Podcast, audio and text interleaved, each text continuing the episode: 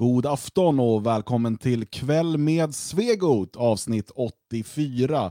Vi ska prata nationalism, patriotism och arbetarrörelsen. Nu kör vi.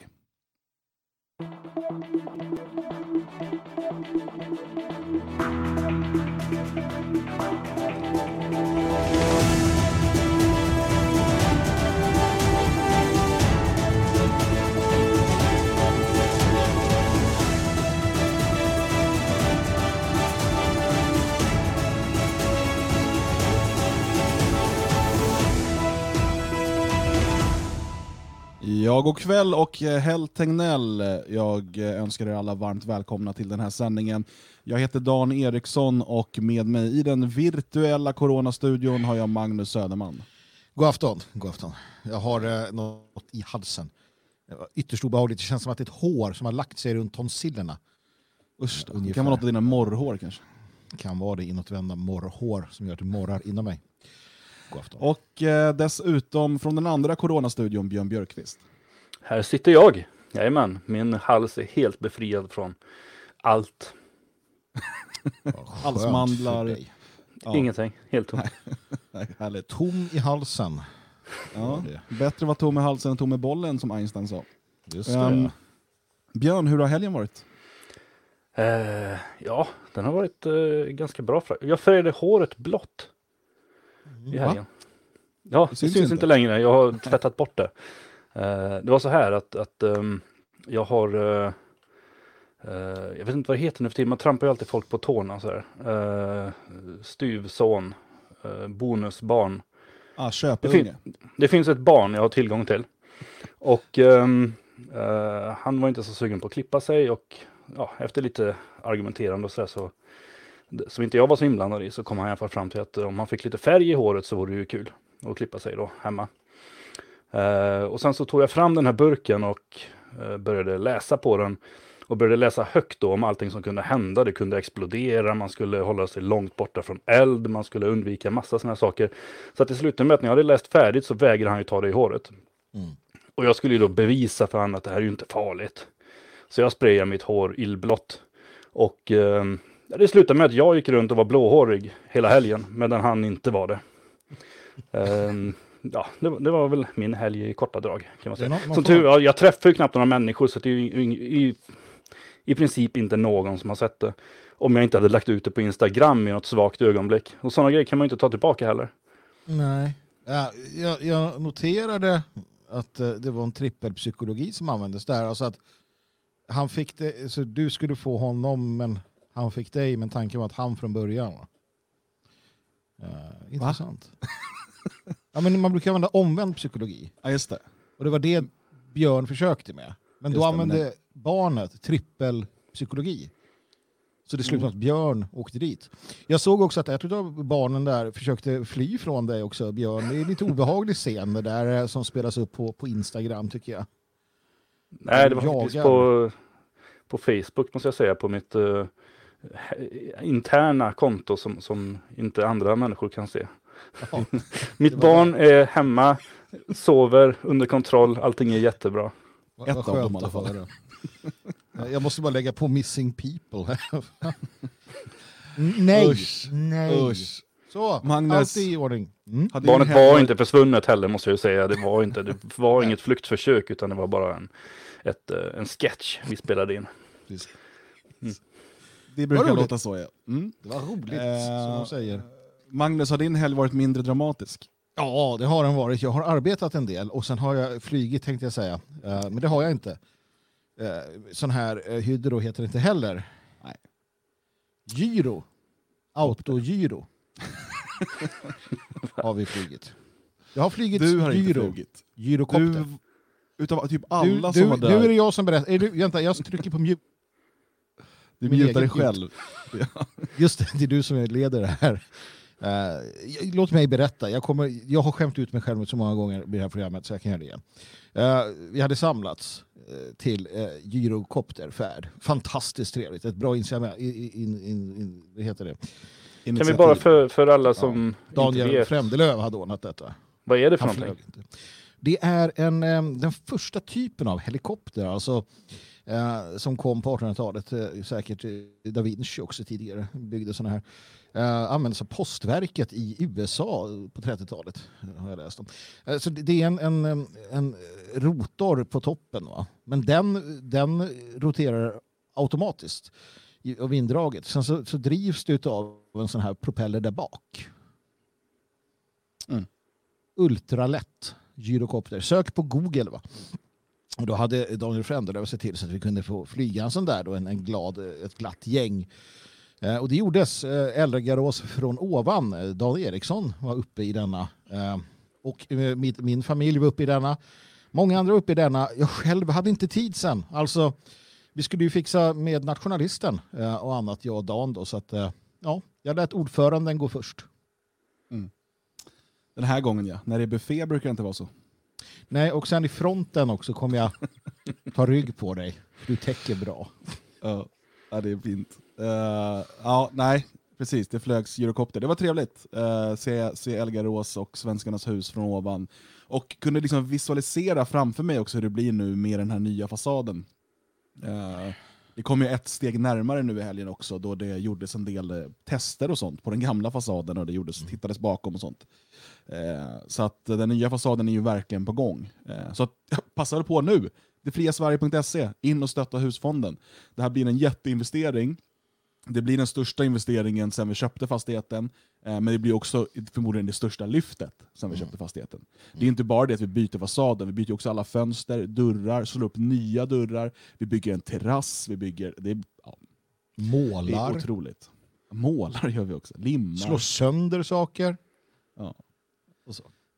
Ja, nej, så att eh, det var en, en trevlig helg i det fria Sveriges tecken. Eh, vi hade årsmöte på lördagen eh, och eh, sen på, på söndagen då flög vi gyrokopter, vi, det grillades eh, och vi gjorde klart Nationalisten, jobbade i Svenskarnas hus där eh, hela eftermiddagen och kvällen.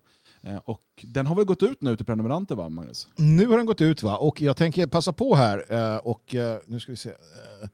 Visa er, mina kära, kära tittare, ni som nu är med oss eh, visuellt ska få se här. Och då ser det ut eh, så här. Det där är ett gammalt nummer. Det här, nej men det har du rätt i. Det här var ett gammalt nummer. Det här var första numret förstår ni. Första numret. Så Är det det du här. skickar ut till prenumeranter nu? Nej, nej, nej. Jag hade... Så här ser det ut. Nej, det där är förra numret. Det är förra numret ja. Det var det andra numret av Nationalister mina vänner. Det här Det är det nya numret. tredje numret. Alltså Just. tre nummer av Sveriges enda nationalistiska tidskrift har nu gått ut till er prenumeranter. Med fokus på eh, allt möjligt spännande. Framförallt då eh, de här sakerna som händer i coronans spår. Vi kan titta inuti hur det ser ut här. Till exempel på det här uppslaget. Där är det rumpor och poliser. Vilken Ja. tidning. Ehm, här kan man lära sig en del. För det här är en galning med en pestmask.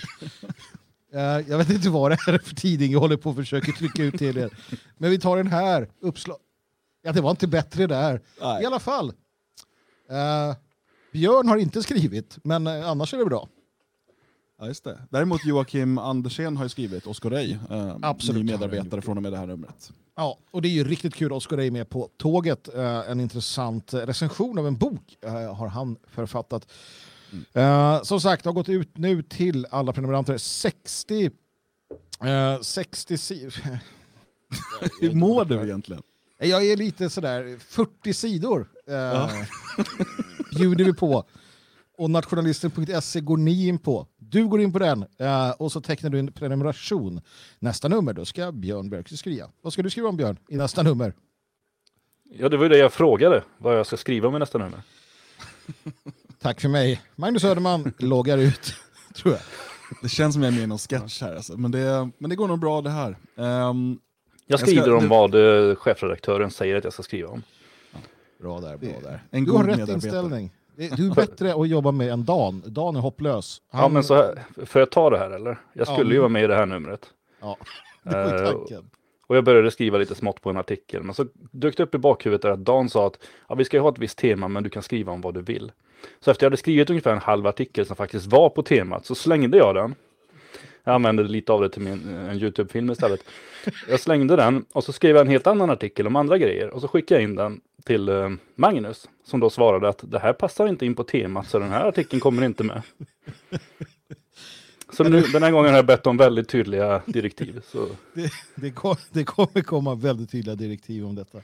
Eh, absolut Björn. Men det är kul att du kommer vara med i nästa nummer. Det blir en riktig kavalkad. Vi ska se om vi hinner få in lite nya skribenter på gång också här förutom då eh, Oscar Day. Mm. Spännande. Um, ska snart komma in på te äh, temat för dagen här. Uh, men först vill jag bara säga att på söndag, uh, då är jag i fint sällskap. Eh, ett sällskap där jag får känna mig ganska ung dessutom.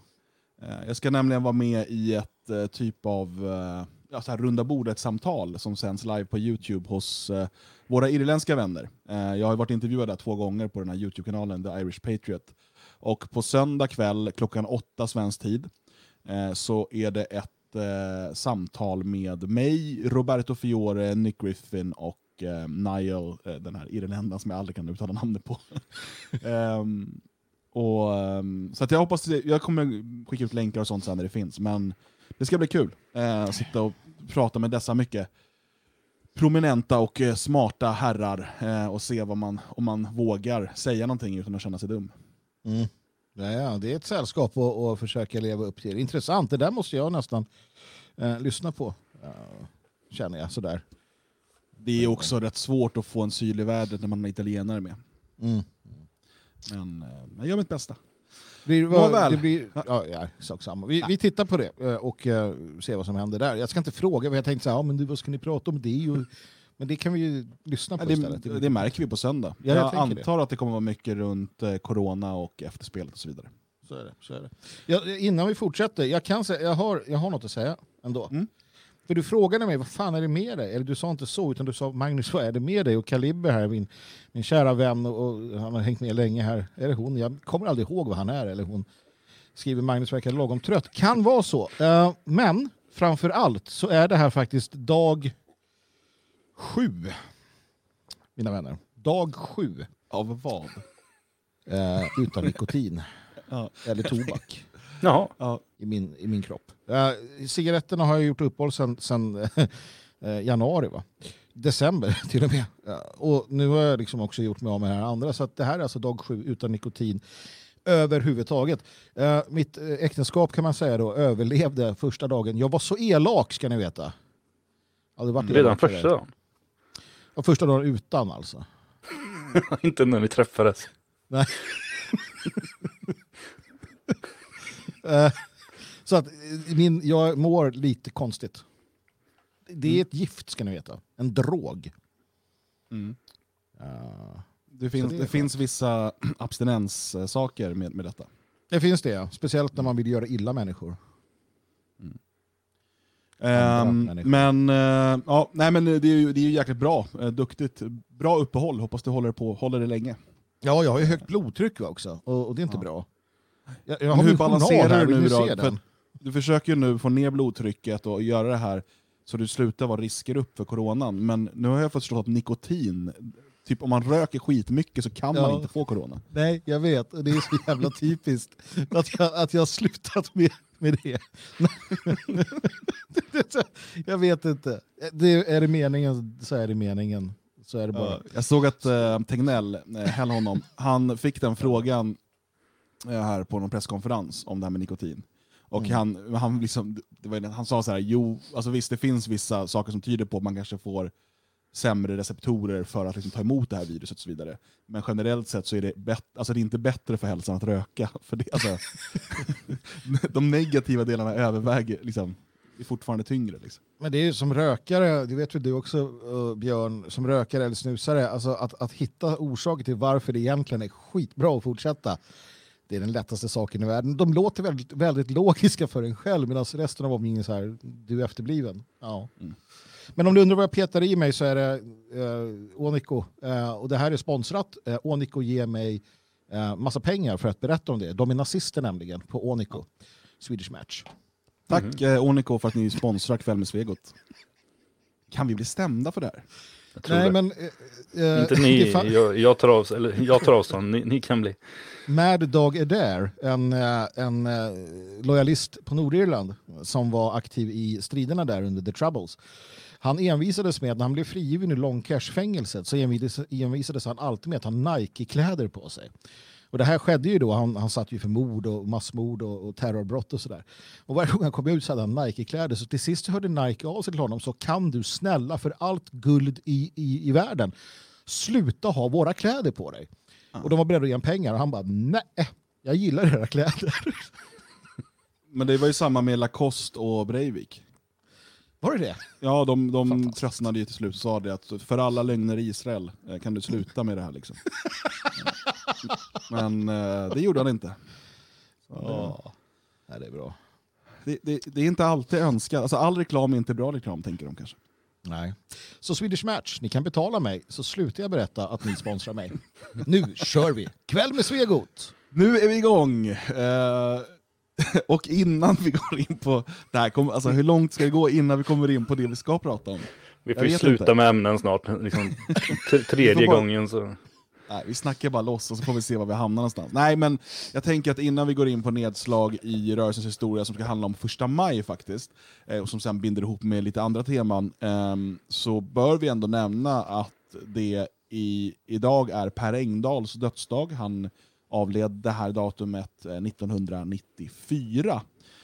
Där visar Björn en bild på Engdahl ifrån eh, en bok som ju är en, eh, en samling av hans ledarartiklar va? i vad heter den, Vägen framåt?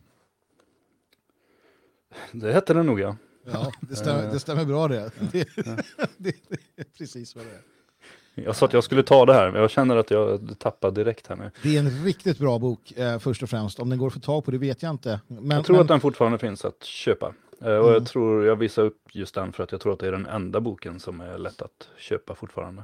fribytare i folkhemmet kan finnas på olika antikvariat och den är också riktigt bra om man vill förstå eh, rörelsens historia, framförallt efterkrigstiden utifrån hans perspektiv. Det som är intressant i den där boken du tar upp, eh, eh, inte den utan den tidigare, Det Eh, det vill säga den- med eh, texterna från Vägen framåt. Det är att det är första gången, tror jag, som eh, kulturnationalismen dyker upp.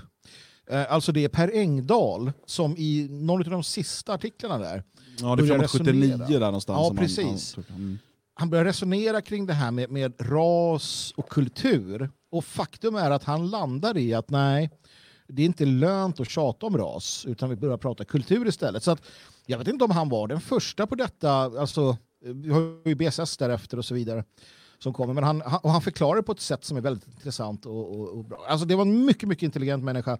Björn Björkqvist, du har ju träffat honom. Berätta lite. Eh, Jag har inte träffat Per Engdahl. Fan också. Jag var helt säker på att du hade gjort det. Jag har inte heller- nej, jag tror- tyvärr inte. Han, han avled ju eh, 94. Det är därför vi tar upp han här nu ju, för att det är årsdagen av hans död. Eh, jag började engagera mig 93. Han pratade med henne i telefon vid två tillfällen. Fantastiskt. Eh, vilket jag är oerhört glad för. Men träffa honom gjorde jag tyvärr inte. När jag pratade med honom då stod ju Sverige inför en folkomröstning om medlemskap i EU. Och ehm, han som nationalist hade ju valt att stå på ja-sidan. Eh, han tyckte Sverige skulle gå med och Nysvenska rörelsen var så vitt jag kommer ihåg den enda eh, nationalistiska organisationen i Sverige som eh, stod på ja-sidan. Mm. Vilket gjorde att eh, jag tyckte väl att det där samtalet, eh, han brann väldigt mycket för det där och han ville bara prata i princip om varför vi skulle gå med. Och hans argument var väl i princip att eh, eh Kanske hållbara förvisso att, att eh, vi, vi har andra stormakter och Sverige, om Sverige ska kunna hävda sig så behöver vi bli en del av en annan form av stormakt. Men han, hans tankegångar var väl lite grann att Sverige kanske betyder mer för omvärlden än vad vi gör. Eh, li, lite drömmar om tillbaks till 1600-1700-tal. Eh, där han tänkte sig att Sverige skulle få ett enormt inflytande i eh, unionen. Ja, men det är inte så konstigt heller för att han själv hade ju ett, ett ganska stort inflytande om vi tittar på den nationella rörelsen efter 45, efter krigsslutet. Bland annat eh, så var han ju delaktig i att hjälpa tyska, eh, tyskar att kunna då, eh, flytta från, från Tyskland, de som var efterspanade av segermakten och så.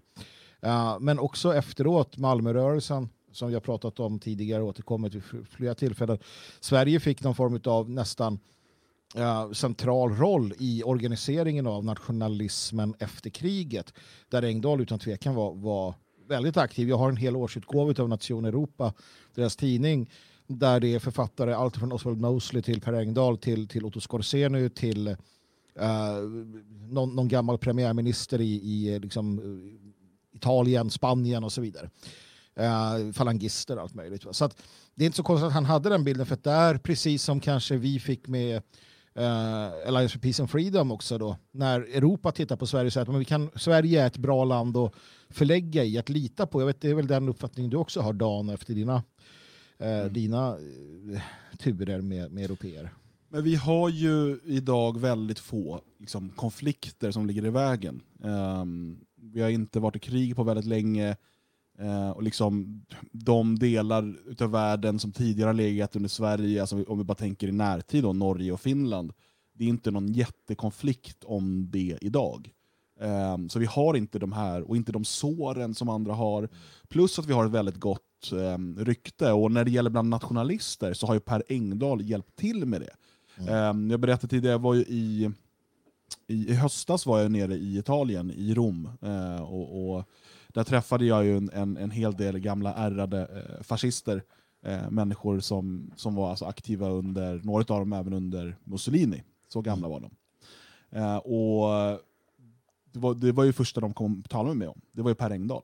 Mm. Eh, och liksom hur högt de höll honom och sådär. Och, och Um, frågade om jag hade känt honom och sådär. Jag försökte förklara att jag var 12 när han dog. Och det, alla kan inte vara som Björn. Liksom. Mm. um, men uh, nej, alltså han har ett väldigt, väldigt uh, gott rykte. Och jag, men jag skulle ändå säga att han i, i den svenska nationalismen har, jag, jag tycker ändå han har varit ganska bortglömd. Mm. Uh, alltså, självklart bland, bland eh, de som verkligen vill sätta sig in i det så dyker ju Per Engdahl upp förr eller senare. Men eh, det är ju väldigt få som hänvisar till honom idag. Han är ju inte... Jag menar, nationalsocialister eh, hänvisar till, till gamla tyskar eller kanske till Furugård och Lindholm. Um, och du, um, och, och Sverigedemokrater och så vidare, de vill helst inte kännas vid att det faktiskt var så att BSS och Sven Davidsson inspirerades väldigt mycket av Per Engdahl och det i sin tur blev Sverigedemokraterna och att egentligen hela deras kulturnationalism, där eh, det här med att, för att så som jag tolkar Engdahl också så är det så att i slutändan blir kultur och ras nästan samma sak. Mm för att kulturen springer ur, ur rasen och så vidare. Mm. Ja, man måste komma ihåg att det var 1979 han skrev den här texten om att det kunde vara bättre att tala om kultur än ras. Mm. Eh, då var ju svensk kultur någonting som utövades av svenskar. Mm. Eh, jag är tveksam till att han hade stått för samma tankegångar idag. Att mm. han skulle hävda att ja, nej, men nu, nu kan vi inte tala om ras, det, det vore ju konstigt.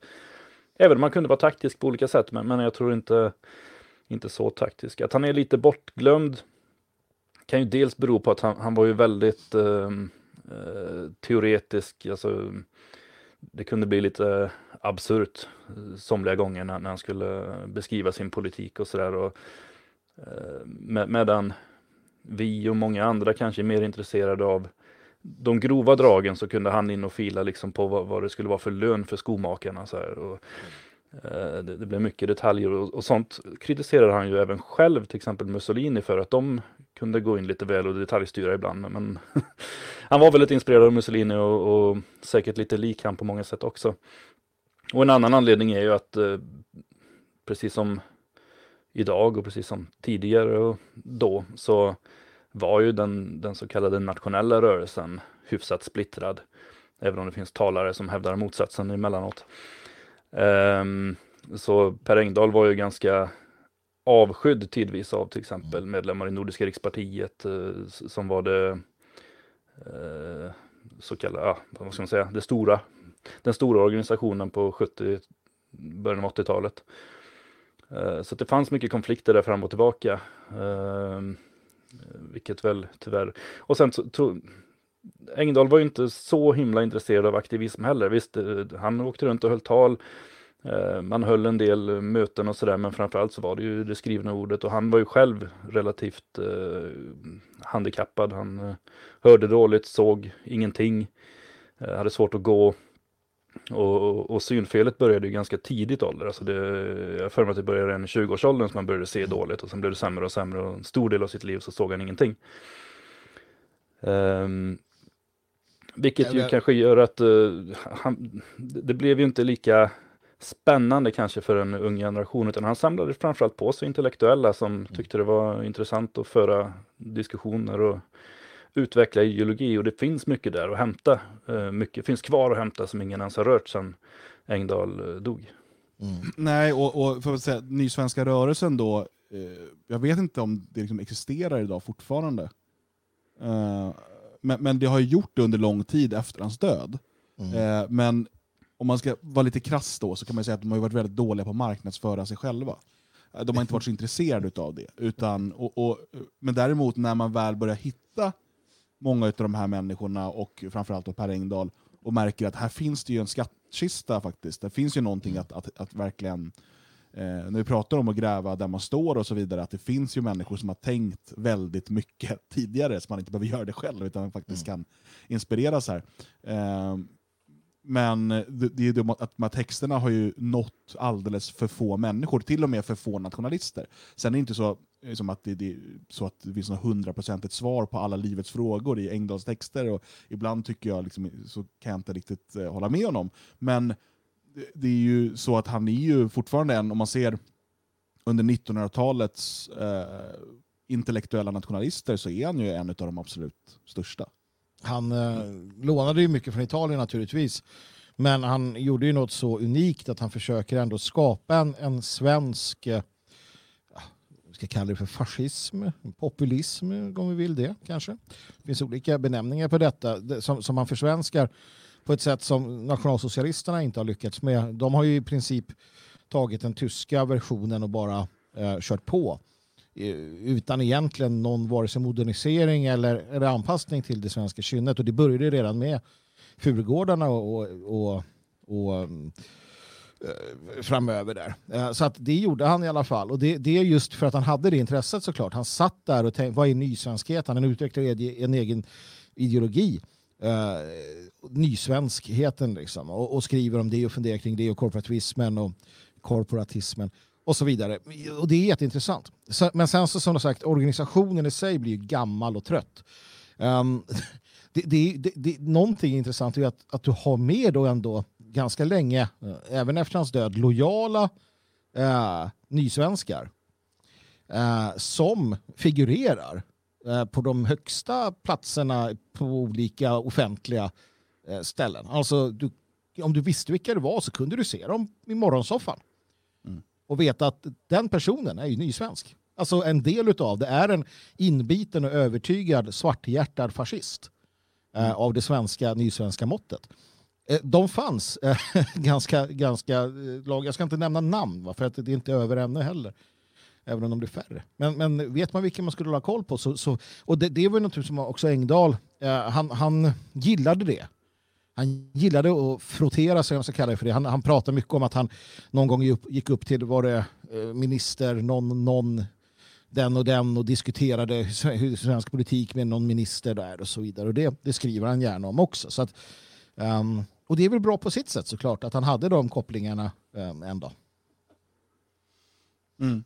Ja, um, helt klart. Um, och ja, Ingvar Kamprad uh, var väl en del av det här en kort stund.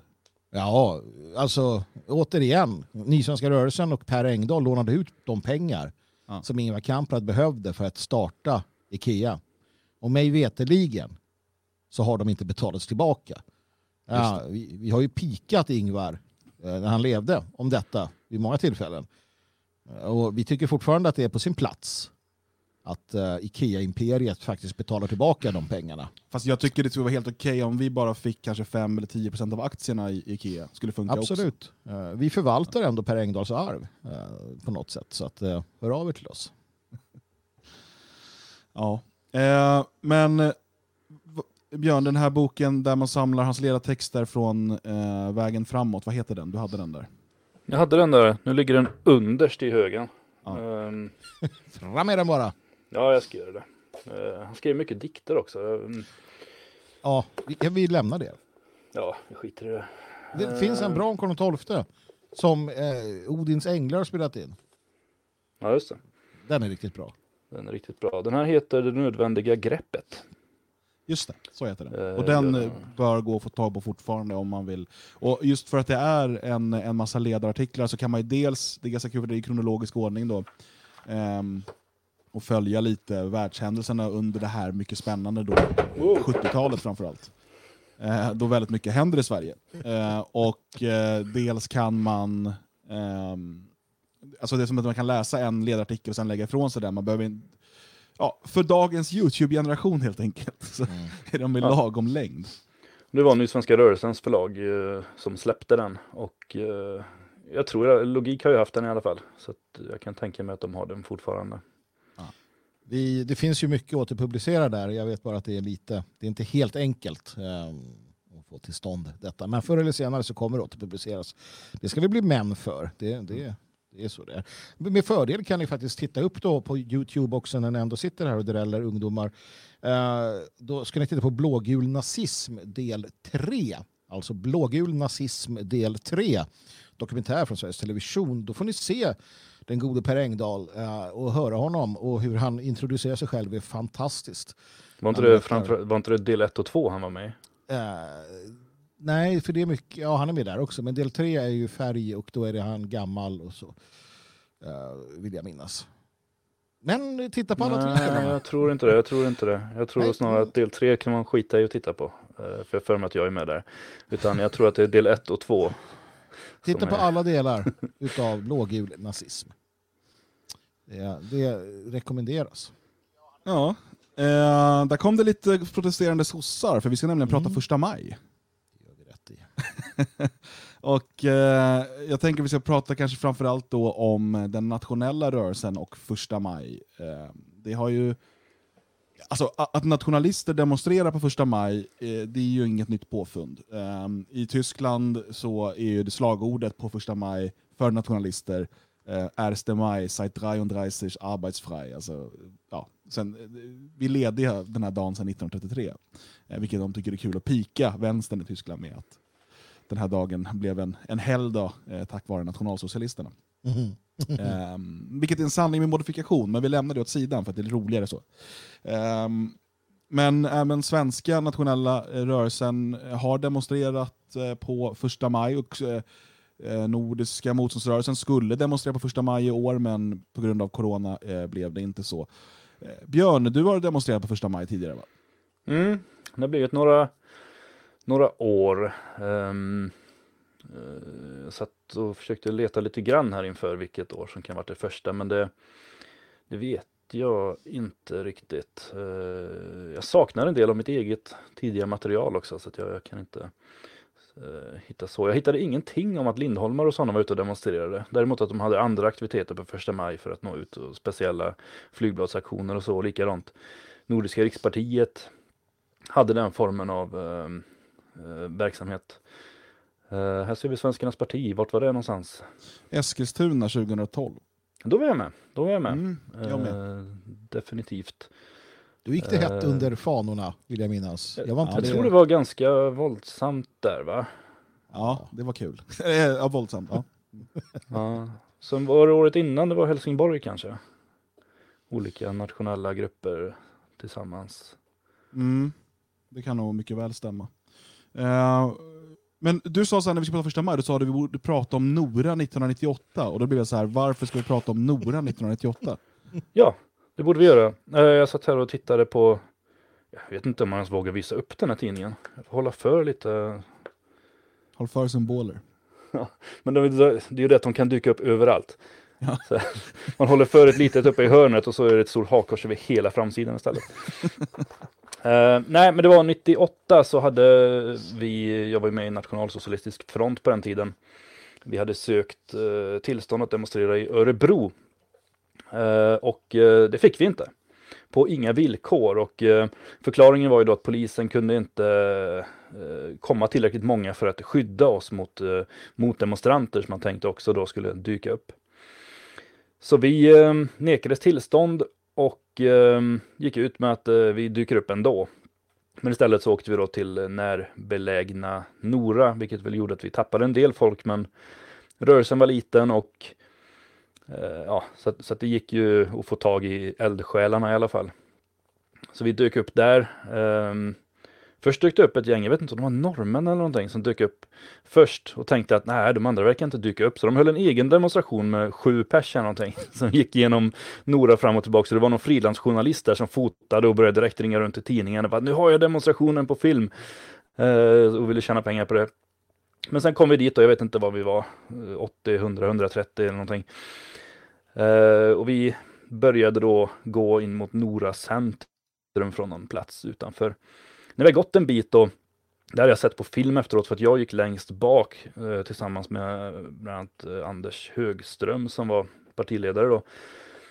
Ehm, då, då rusar det upp ett tiotal poliser med kravallutrustning och ställer sig i vägen. Och det finns ju inte en motdemonstrant någonstans. Det finns inget skäl till att inte låta demonstrationen pågå. För att det är ju snarare grundlagsvidrigt att stoppa en demonstration som pågår och när det inte finns några som helst eh, risker för eh, bråk eller att man hindrar någonting annat. Så vi, eh, eh, ja, men vi är ute och går i alla fall. Polisen stormar upp. På film kan man se hur en av fanbärarna sänker sin fana mot en polissköld. En annan som är något steg bakom springer fram och riktar en spark mot en sköld. Och sen går polisen åt sidan och alla går vidare eh, till torget. Där håller jag och Högström varsitt tal. Eh, ett vittne som sen, eh, eller som upp, uppmärksammade hela den här historien, hon berättade sen i polisförhör att hon såg mig göra en Hitlerhälsning. Uh, hon hade sett mig att med höger eller vänster arm peka upp i luften och skrika något om Göran Persson. Jag dömdes för att vara folkgrupp för det. Um, men i alla fall, vi går sen tillbaka och när vi är tillbaka så kommer polisen och säger att Uh, Eh, ja, vi, uh, det är bra om ni inte åker iväg. Vi håller just nu på att utreda om något brott har begåtts. Och vi var inte där för att bråka, så vi stannar allihop. Polisen plockar in oss i bussar. Vi åker till Örebro. Där blir varje person förhörd, så det tar ju i princip hela natten där då. Uh, vi sitter först flera stycken i varje cell och sen blir jag förhörd och så är jag precis på väg. Jag får frågor så här, vet du vem som höll tal? Nej, jag vet inte. Eh, så jag är på väg att gå därifrån, då bara stormar in en polis. Bara, han ska inte härifrån, så jag blev inslängd i en cell. Eh, fick sitta där ett par månader. Eh, jag bytte ju cell då från först fyllecell i tre dagar och sen häktescell. Fick sitta där i ett par månader. Men vänta, för hets mot folkgrupp? Och våldsamt upplopp. Ah, ja, okay. ja, det, ja. det var ju den sparken och den fanan som sänktes. Mm. Mm. Uh, och jag ansågs då vara uppviglare till det här våldsamma upploppet i och med att mm. mm. jag var där.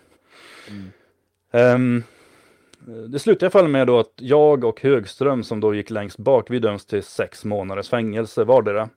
Och eh, de andra döms till, jag tror det var tre och fyra månader. Det, det var totalt eh, sex eller sju personer som dömdes för det här eh, våldsamma upploppet. Och det här användes senare i Göteborgskravallerna när eh, försvarsadvokaterna till våldsvänstern som alltså hade bränt upp möbler, kastat gatstenar, hållit på, alltså i princip försökt döda poliser. De pekade då på vår demonstration och sa att de fick eh, bara sex månader för sitt oerhört våldsamma upplopp. Då kan ju inte låta de här schyssta killarna få mer.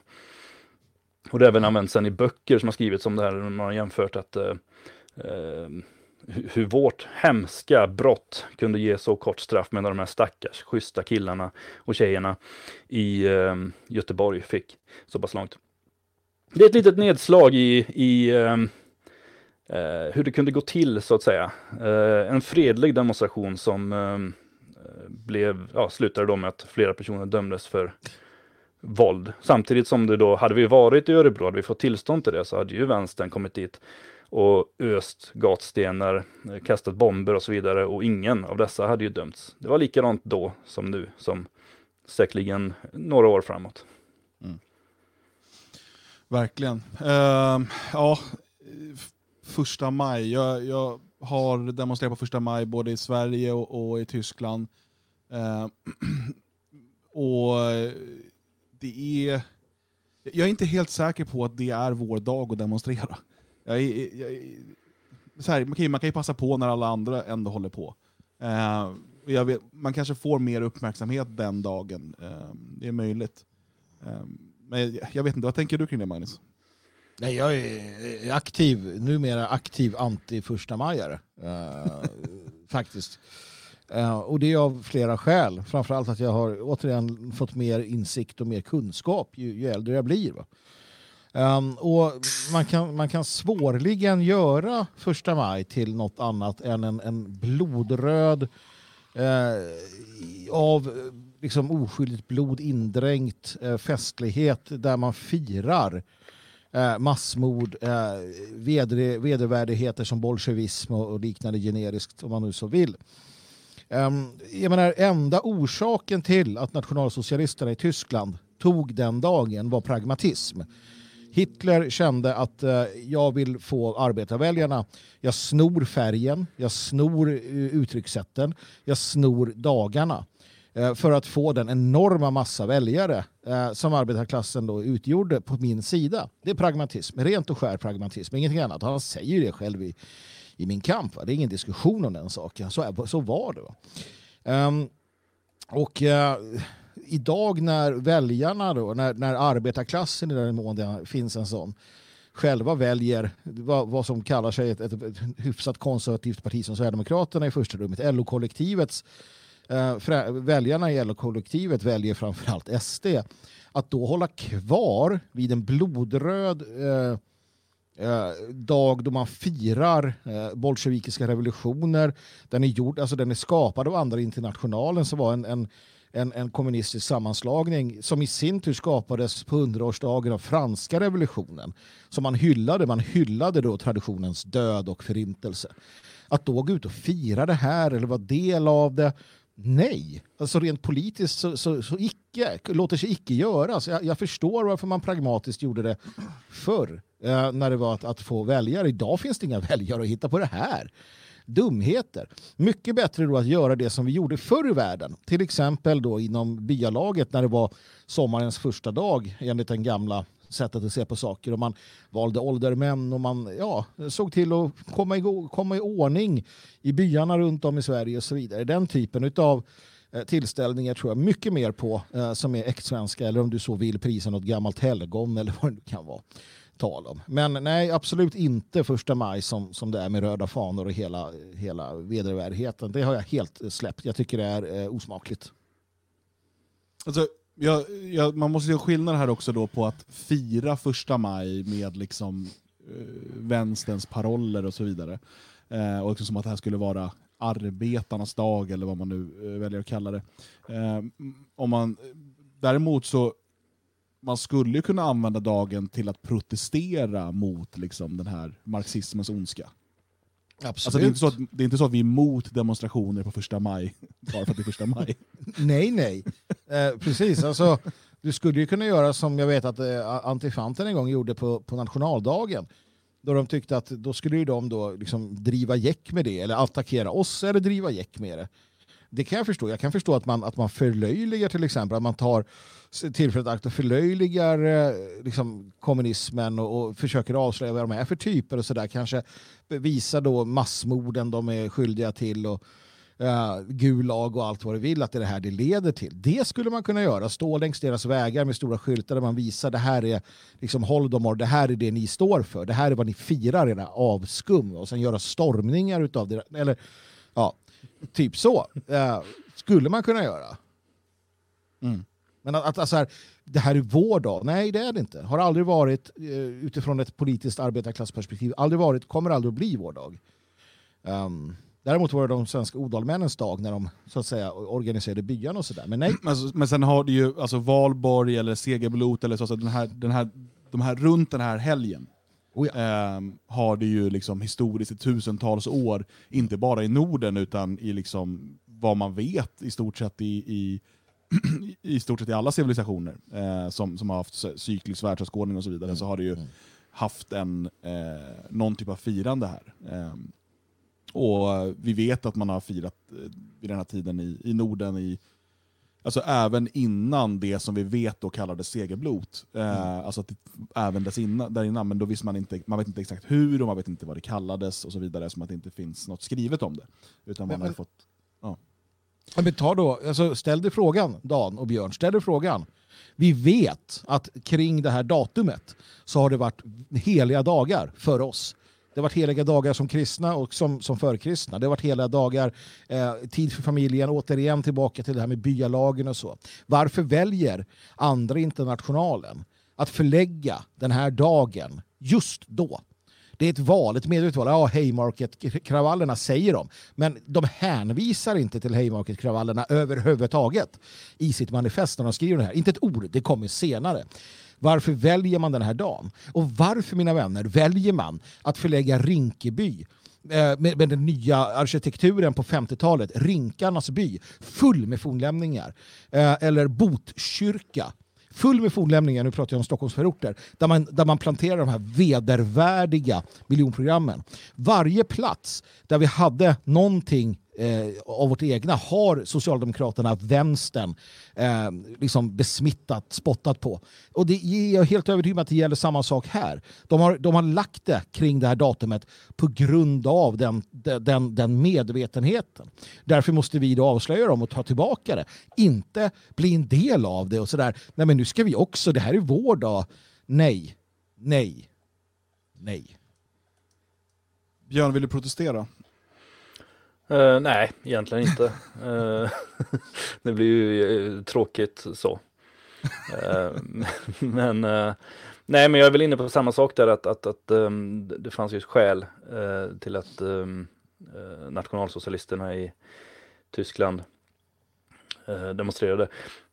Och framförallt så vill jag väl ändå någonstans tänka att alltså kamp för en arbetarklass är ganska konstigt när det liksom inte finns någon arbetarklass i princip.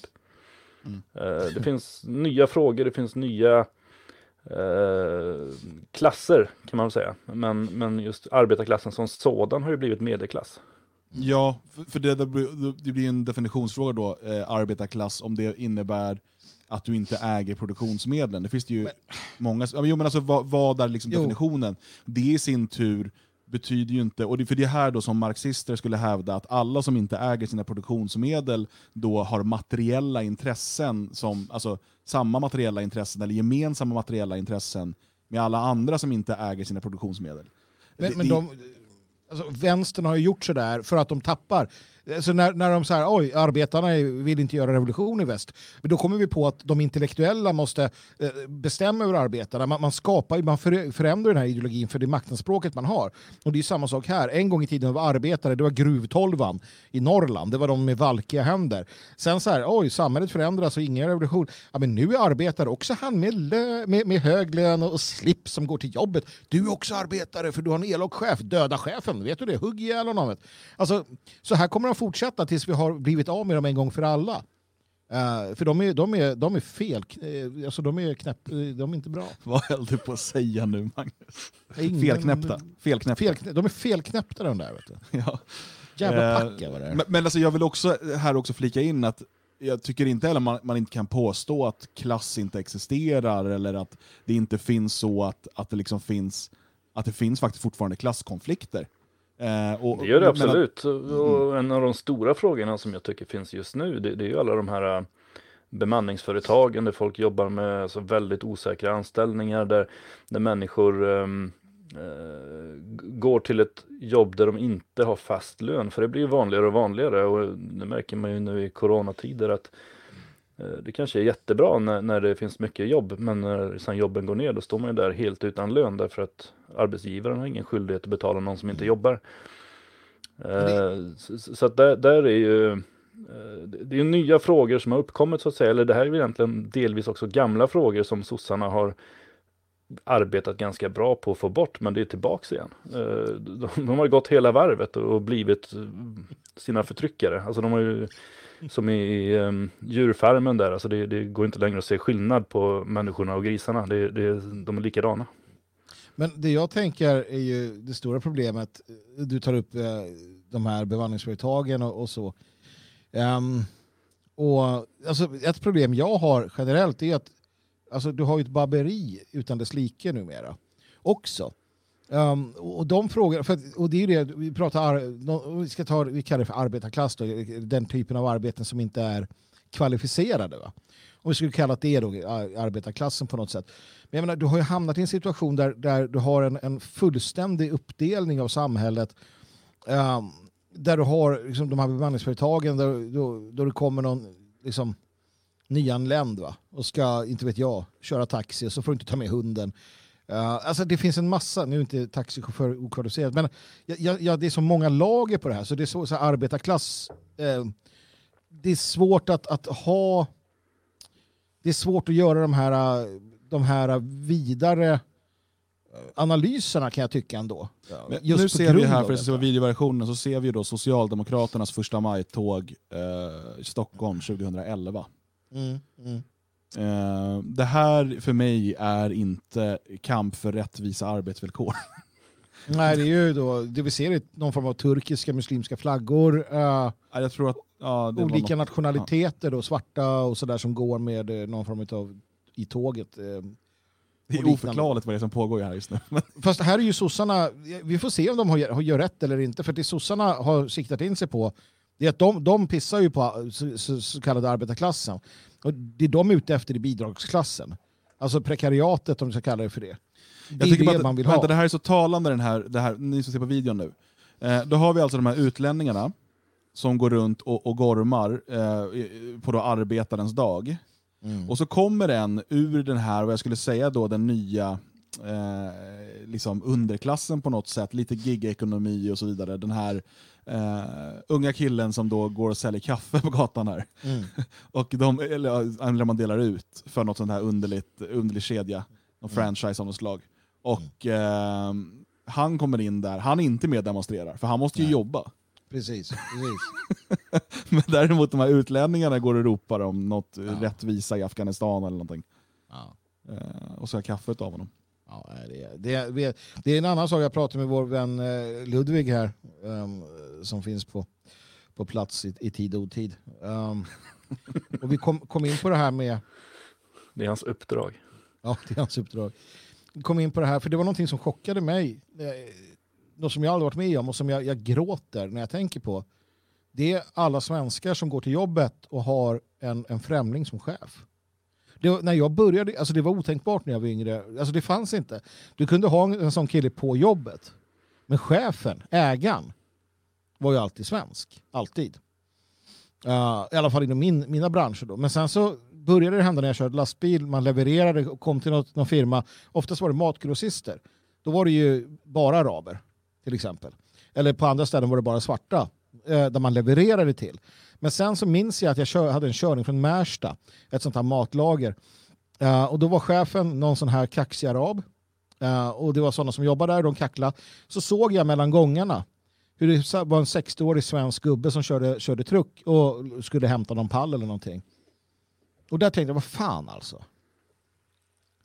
Mm. Där var han tvungen att gå och jobba med en, en arab i 30-årsåldern som, som satt och rökte och drack eh, liksom något jävla blaskigt te med sina kompisar. Uh, och där åkte han runt uh, liksom tillbaka träng då, medans, och sen så gick några svarta, de gillar att ha svarta anställda. Uh, jag tror att det finns något här. Uh, som också sådär luffade runt på det där lagret då. det var framtiden. Och det, när jag såg det så bara, vänta nu, vad är det som... Det där hade jag liksom inte tänkt på. Och nu, jag pratade just det jag och Ludvig pratade om, att det här är ju normalt nu. Att du går till jobbet och så är Afram din chef på lagret. För så är det i Sverige. Där har vi mm. någonting. Där har vi någonting. Du pratar om en ny underklass eller vad vi ska kalla det för. En, en, en, en, en, en tillbakaträngd majoritet av. Där har vi det. Där. Men jag tänker Björn, du har ju eh, intresserat dig för, för arbetarrörelsen. Du har till och med skrivit en, en bok om den. Som, som nu har getts ut igen. Eh, den försvann. Den var liksom inkognito i fem år eller någonting. Eh, mm. och eh, nu så eh, fanns, finns den tillgänglig igen, vilket vi är glada för. men, men när vi pratar då arbetarrörelsen, vad, vad, var det som fick dig att skriva den här boken? Vad handlar den om och, och vad är det här arbetarrörelsen för någonting egentligen? Jag är glad att du tar upp det här. Helt oförberett så sitter jag med boken här. Ja, det, Vägvalet det är lika bra som de här, de här, när man ser någon här Tonight Show med någon Jay Leno eller någonting. Så bara, just det, du har en bok också. Så då åker de bara, just det, inte alls här för att göra reklam för den. Nej, uh, ja precis. Jag släppte ju den här, eller jag släppte den inte utan Logik släppte den, men jag skrev den 2004. 14! 2014 var det ju. Jag, Ja. jag säkert började skriva på den 2004 för det brukar ta den tiden i mitt skapande. Jag håller på med en ny bok nu som eh, för att skriva ett par meningar så blir jag så tvungen att göra research i flera dagar. Eh, Det blir som perfektion det kommer ju bara sluta med att jag inte orkar korrekturläsa så blir det bara katastrof. Men köp den ändå. Den finns inte. Eh, Men den här boken finns. Den heter Vägvalet. Eh, Och den skrev jag efter eh, valet 2014. När jag varit så chockad över eh, alltså, valresultatet att svenskar fortfarande är så pass dumma i huvudet. Eh, det vart återigen en socialdemokratisk regering. Eh, Miljöpartiet skulle ingå i den regeringen. Feministiskt initiativ var inte särskilt långt från att komma in. Eh, och, ja, så så att det, var, det var mycket sådana saker jag funderade på och ville fundera på hur det kunde bli så. Och jag, jag hittade väl Dels så måste jag då beskriva vad arbetarrörelsen är och det gör jag i den här boken. Jag tar upp ett eh, tidigt eh, tal som eh, Branting höll som hette eh, Varför arbetarrörelsen måste vara socialistisk. Eller liknande. Hette den? Hette den så? Eller liknande? nej, nej, den hette det eller något liknande. Okej, ja. Ja, annars är det ett ganska episkt tal om han också har så här punkt, punkt, punkt eller liknande. Han är ändå bestämd men inte... Ja, inte Så här ska det typ absolut vara.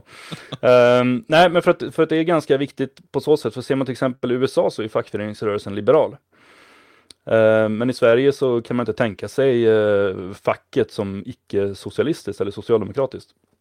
Och det var det talet då som hölls sent 1800-tal som eh, sägs vara ett av de mest avgörande. Och det jag då försökte göra i den här boken det är ju så att säga att argumentera för varför en arbetarrörelse bör vara nationalistisk. Eh, så det är väl lite grann utgångspunkten, men sen är det också då hur kan det komma sig att svenskar röstar på de här eh, konstiga partierna? Alltså hur kommer det sig?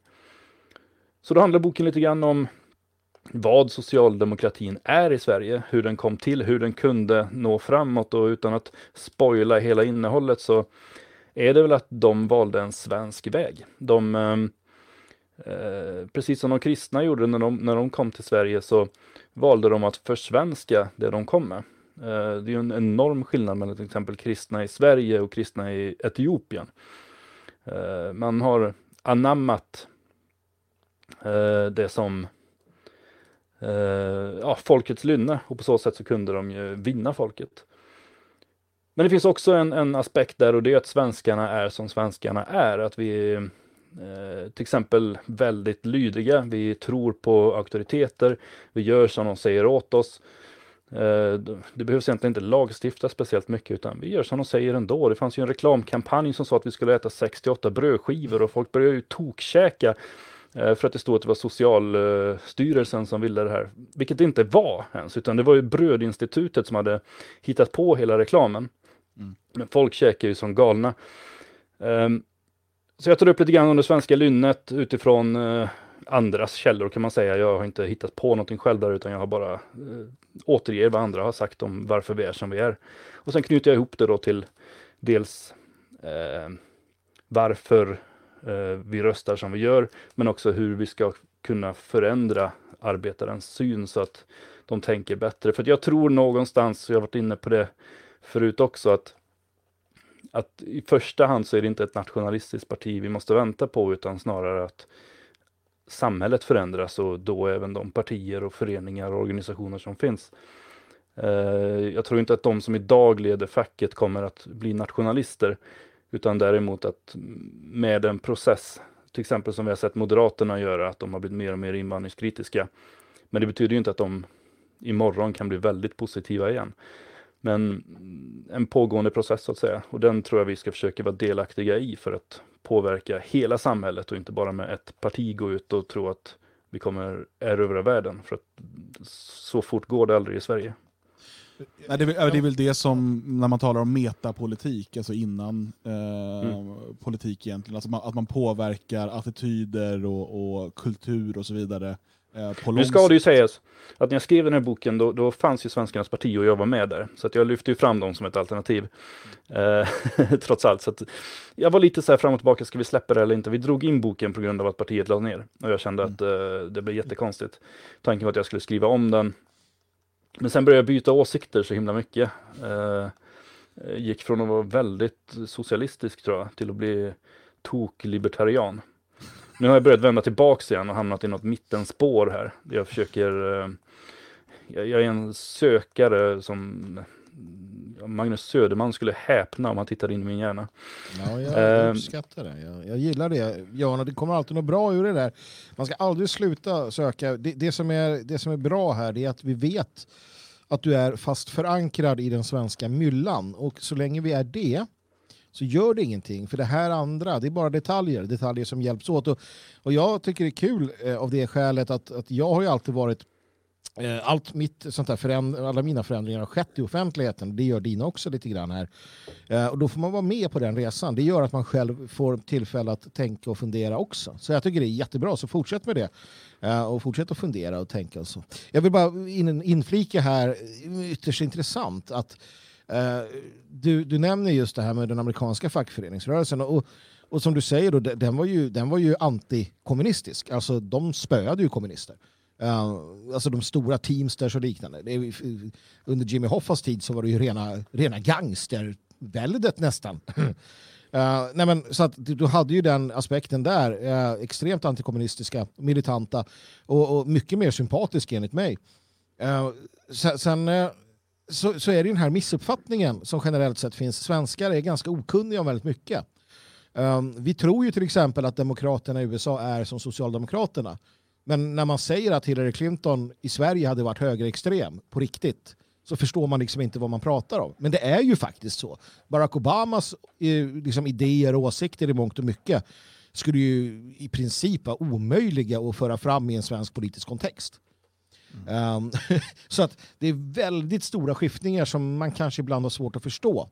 Och då känns det ju tryggt och bra. Och så här, nej, men svensk socialdemokrati, fackföreningar, det är som det alltid har varit. Och det är så här överallt i hela världen och så är det bra med det. Ja. Eh, det, det du nämner också där, Björn, med det svenska lynnet och liksom vår tro på auktoriteter eller myndigheter och så vidare. Eh, det är ju också det är ju varför Sverige har kunnat välja en annan strategi än till exempel i Sydeuropa när det gäller eh, corona. Eh, fast man egentligen vill samma sak, alltså att försöka minska smittspridningen så mycket det går så sjukvården inte blir överbelastad. Ja fast det går ju sådär vill jag ju säga. Alltså, för att det har ju hänt någonting nu senaste, eller ja, det har hänt, invandringen har hänt.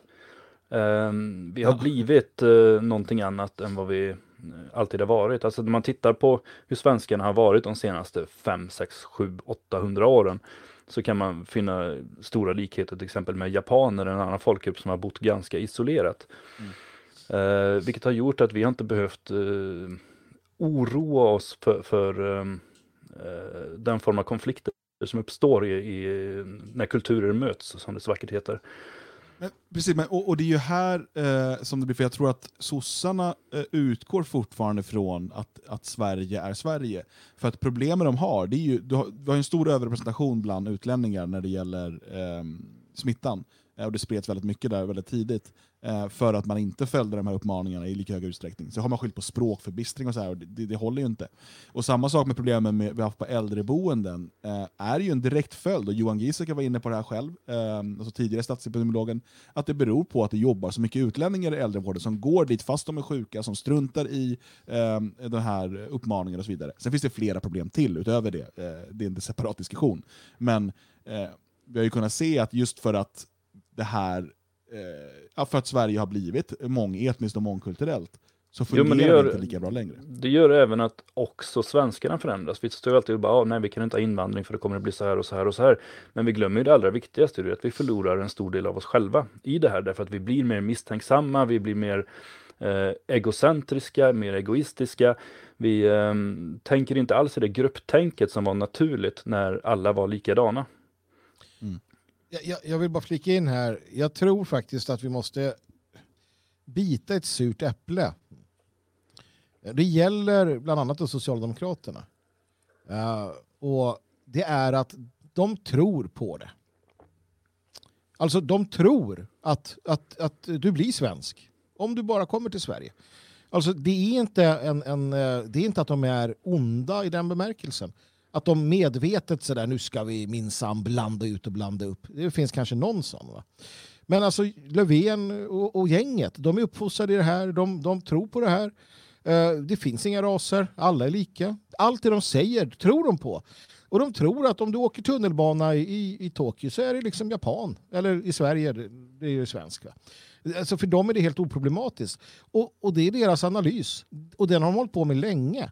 Och den, den, den, den, den har en logik i marxismen. För marxismen är rent materialistisk. Alltså det finns inga andra värden. Um, och de har kunnat släppa det här gamla rasbiologiska. Nej, Löfven är inte nazist. Liksom, socialdemokratin är inte den nya nazismen. Tror du det så är du ju faktiskt efterbliven någonstans. Och det är många som tror det, tyvärr. Och de är efterblivna någonstans och helt okunniga framför allt. Uh, ehm, utan de tror på det här. Uh, och det har blivit så. Och, och det, det är så simpelt och det är så sorgligt för då, då finns det liksom ingen häftig eh, orsak, utan det är bara... Bah. Och det är det jobbigaste av allt. Och, och förstår det att Löfven, när han säger det, när, när du Jimmy Åkesson, eh, alla människor är faktiskt lika mycket värda. Då tror han på det, på riktigt. Och det är hans idé. Det är värre. Det är mycket värre. Och de är många. Jag menar det lokala kommunalrådet i, i Töreboda, han kan inte för sin, sin, sin, han kan inte se att det är ett problem med att sätta in en massa utlänningar. Han ger det bara tillräckligt med tid och sociala insatser så blir de svenskar. Mm. Han tror ju på det här. Mm. De sociala, alltså, ja, de är vänster allihop egentligen, men de tror på det. De tror på det. På riktigt. Mm. Tror jag. Men eh, behövs det en arbetarrörelse idag? Nej, alltså jag tror inte det egentligen. Eh, utan jag Eh, arbetarrörelsen kom till på en helt annan tid. Det var helt eh, andra förutsättningar, saker såg helt annorlunda ut. Eh, det är klart att det alltid kan behövas en form av vakthund för att inte slå bort eh, en del av den trygghet som arbetare har fått. Och där har arbetarrörelsen varit eh, viktig och väldigt duktig. Men det som, då, alltså det som då var arbetarklassyrken är ju idag ganska välbetalda jobb. Säkerligen mycket tack vare facket. Det finns ju ingen eh, alltså murare eller snickare eller ta, ta vad man vill av de här hårdare kroppsarbetaryrkena som är uselt betalda. Sen är det klart att de som jobbar kommer ju alltid tycka att de borde haft mer. Men, men det kommer ändå in ganska mycket pengar i, i de flesta eh, former av klassiska arbetaryrken, alltså proletäryrkena. Eh, så, så att, ja, men fin, finns, väl... det, om jag bara, bara, finns det någon här som så här att, att, sitta på, att arbeta i matvarubutik, dagligvarubutik, att sitta i kassan eller plocka... Är det någon i Sverige som säger ja, det, ah, du vet, de där är ju sådana. Alltså kanske i vissa kretsar, men jag har aldrig varit med om att den typen av yrken som vi då som i andra delar av Europa idag ses som så här, ja, ja men det, vet, det är sådana där som sitter där. Eh, sopgubbar samma sak i Sverige. Sen jag var liten, det är som så här, det här är hedersmän, det här är ett riktigt bra yrke. Och, så, och, och de, de får ju, alltså, det, så att jag håller med där. Jag, jag, har aldrig hört talas om att folk ser ner på det där på det sättet, som, som jag vet kan ske i Europa på andra ställen. Mm. Men, och så pratar man om arbetarrörelse, det blir också problematiskt för att jag menar att en svensk nationalistisk rörelse eh, och liksom, med folkgemenskapen som är grundläggande för nationalismen, och vi ska prata mer nationalism senare, eh, då, då blir ju det naturligt att man inte accepterar eh, liksom, eh, att människor utnyttjas eh, och, och, behandlas illa, utan att det är självklart att man ska ha vad skulle man säga då, schyssta villkor och liksom, eh, en trygghet och säkerhet i, i livet. Liksom. För det, det är så vi tar hand om varandra. Eh, mm. Det behövs ingen separat arbetarrörelse för det, utan det är, en, det, det är så grundläggande i, i den nationella tanken. Jag, så jag, jag, det, det, blir redundant nästan att prata om en arbetarrörelse när man är en nationell rörelse, för det är inbyggt i, i den sociala idé som är eh, nationalismens kärna. Jo, men så är det absolut. Men, men, men då tittar man ju ytterligare lite längre framåt. Eh, I det samhälle som är idag så kan, skulle det kunna fylla en viss funktion, men det är så mycket som är förändrat och eh, förr så var ju yrket en väldigt viktig del av en människas identitet också. Det står ju på gravstenarna vad folk jobbade med. Mm. Det, det, finns ju inte idag. Det skulle ju bli extremt stora stenar om man skulle fylla i allting som folk har jobbat med. Liksom från att de börjar som jordgubbsplockare. Ja, de bitarna också. Men jag menar, det, det, ingen är ju sitt arbete längre på samma sätt. Uh, möjligen präster kanske, men men jag menar, folk kan gå från lastbilschaufför till polis, tillbaks till lastbilschaufför för att de hade dåliga chefer och sen bara, nej men jag ska nog satsa på någonting annat och ha tio olika yrken under, under sitt liv. Eh, vilket på så sätt också då försvagar hela idén med arbetarrörelsen som ska vara enande för den egna gruppen. Men om ingen som är med i den gruppen identifierar sig som den så, så, blir det väldigt svårt. Ungefär så som de vill göra med svenskarna. Att om ingen identifierar sig som svensk som att det är något specifikt, då är det väldigt svårt att enas också. Och det har de ju lyckats ganska bra med tidigare. Jag tror det håller på att ändras. Jag undrar om någon får sån där guldklocka längre.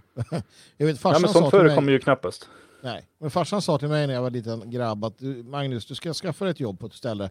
Så hänger du kvar där tills du går i pension. Det är det bästa. Okej, okay, tänkte jag.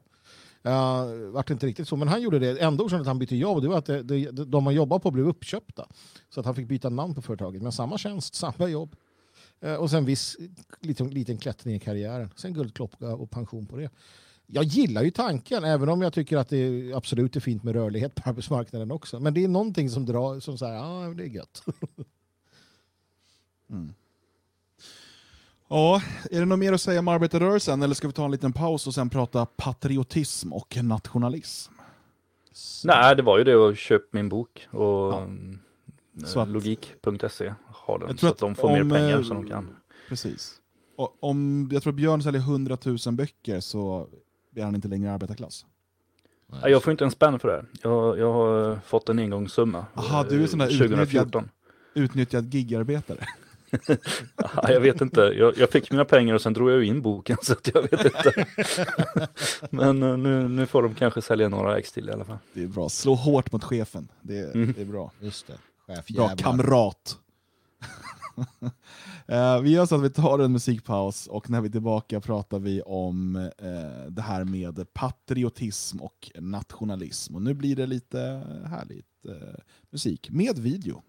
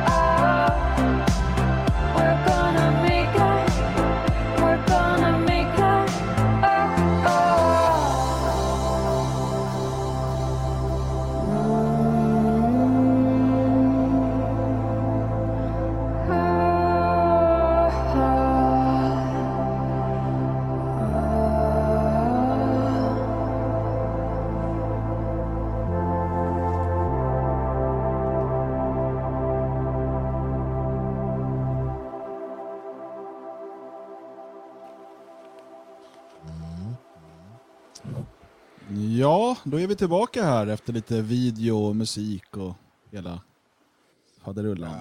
Måste säga det Dan, eh, de är snygga. Tack. Eh, Det, inte du. jag gjorde dem... aha. Jag gillar identitärerna. Alltså, de här som var på video. Vänta nu, kan någon spå tillbaka till 2008 och berätta för Magnus att han just sa det här?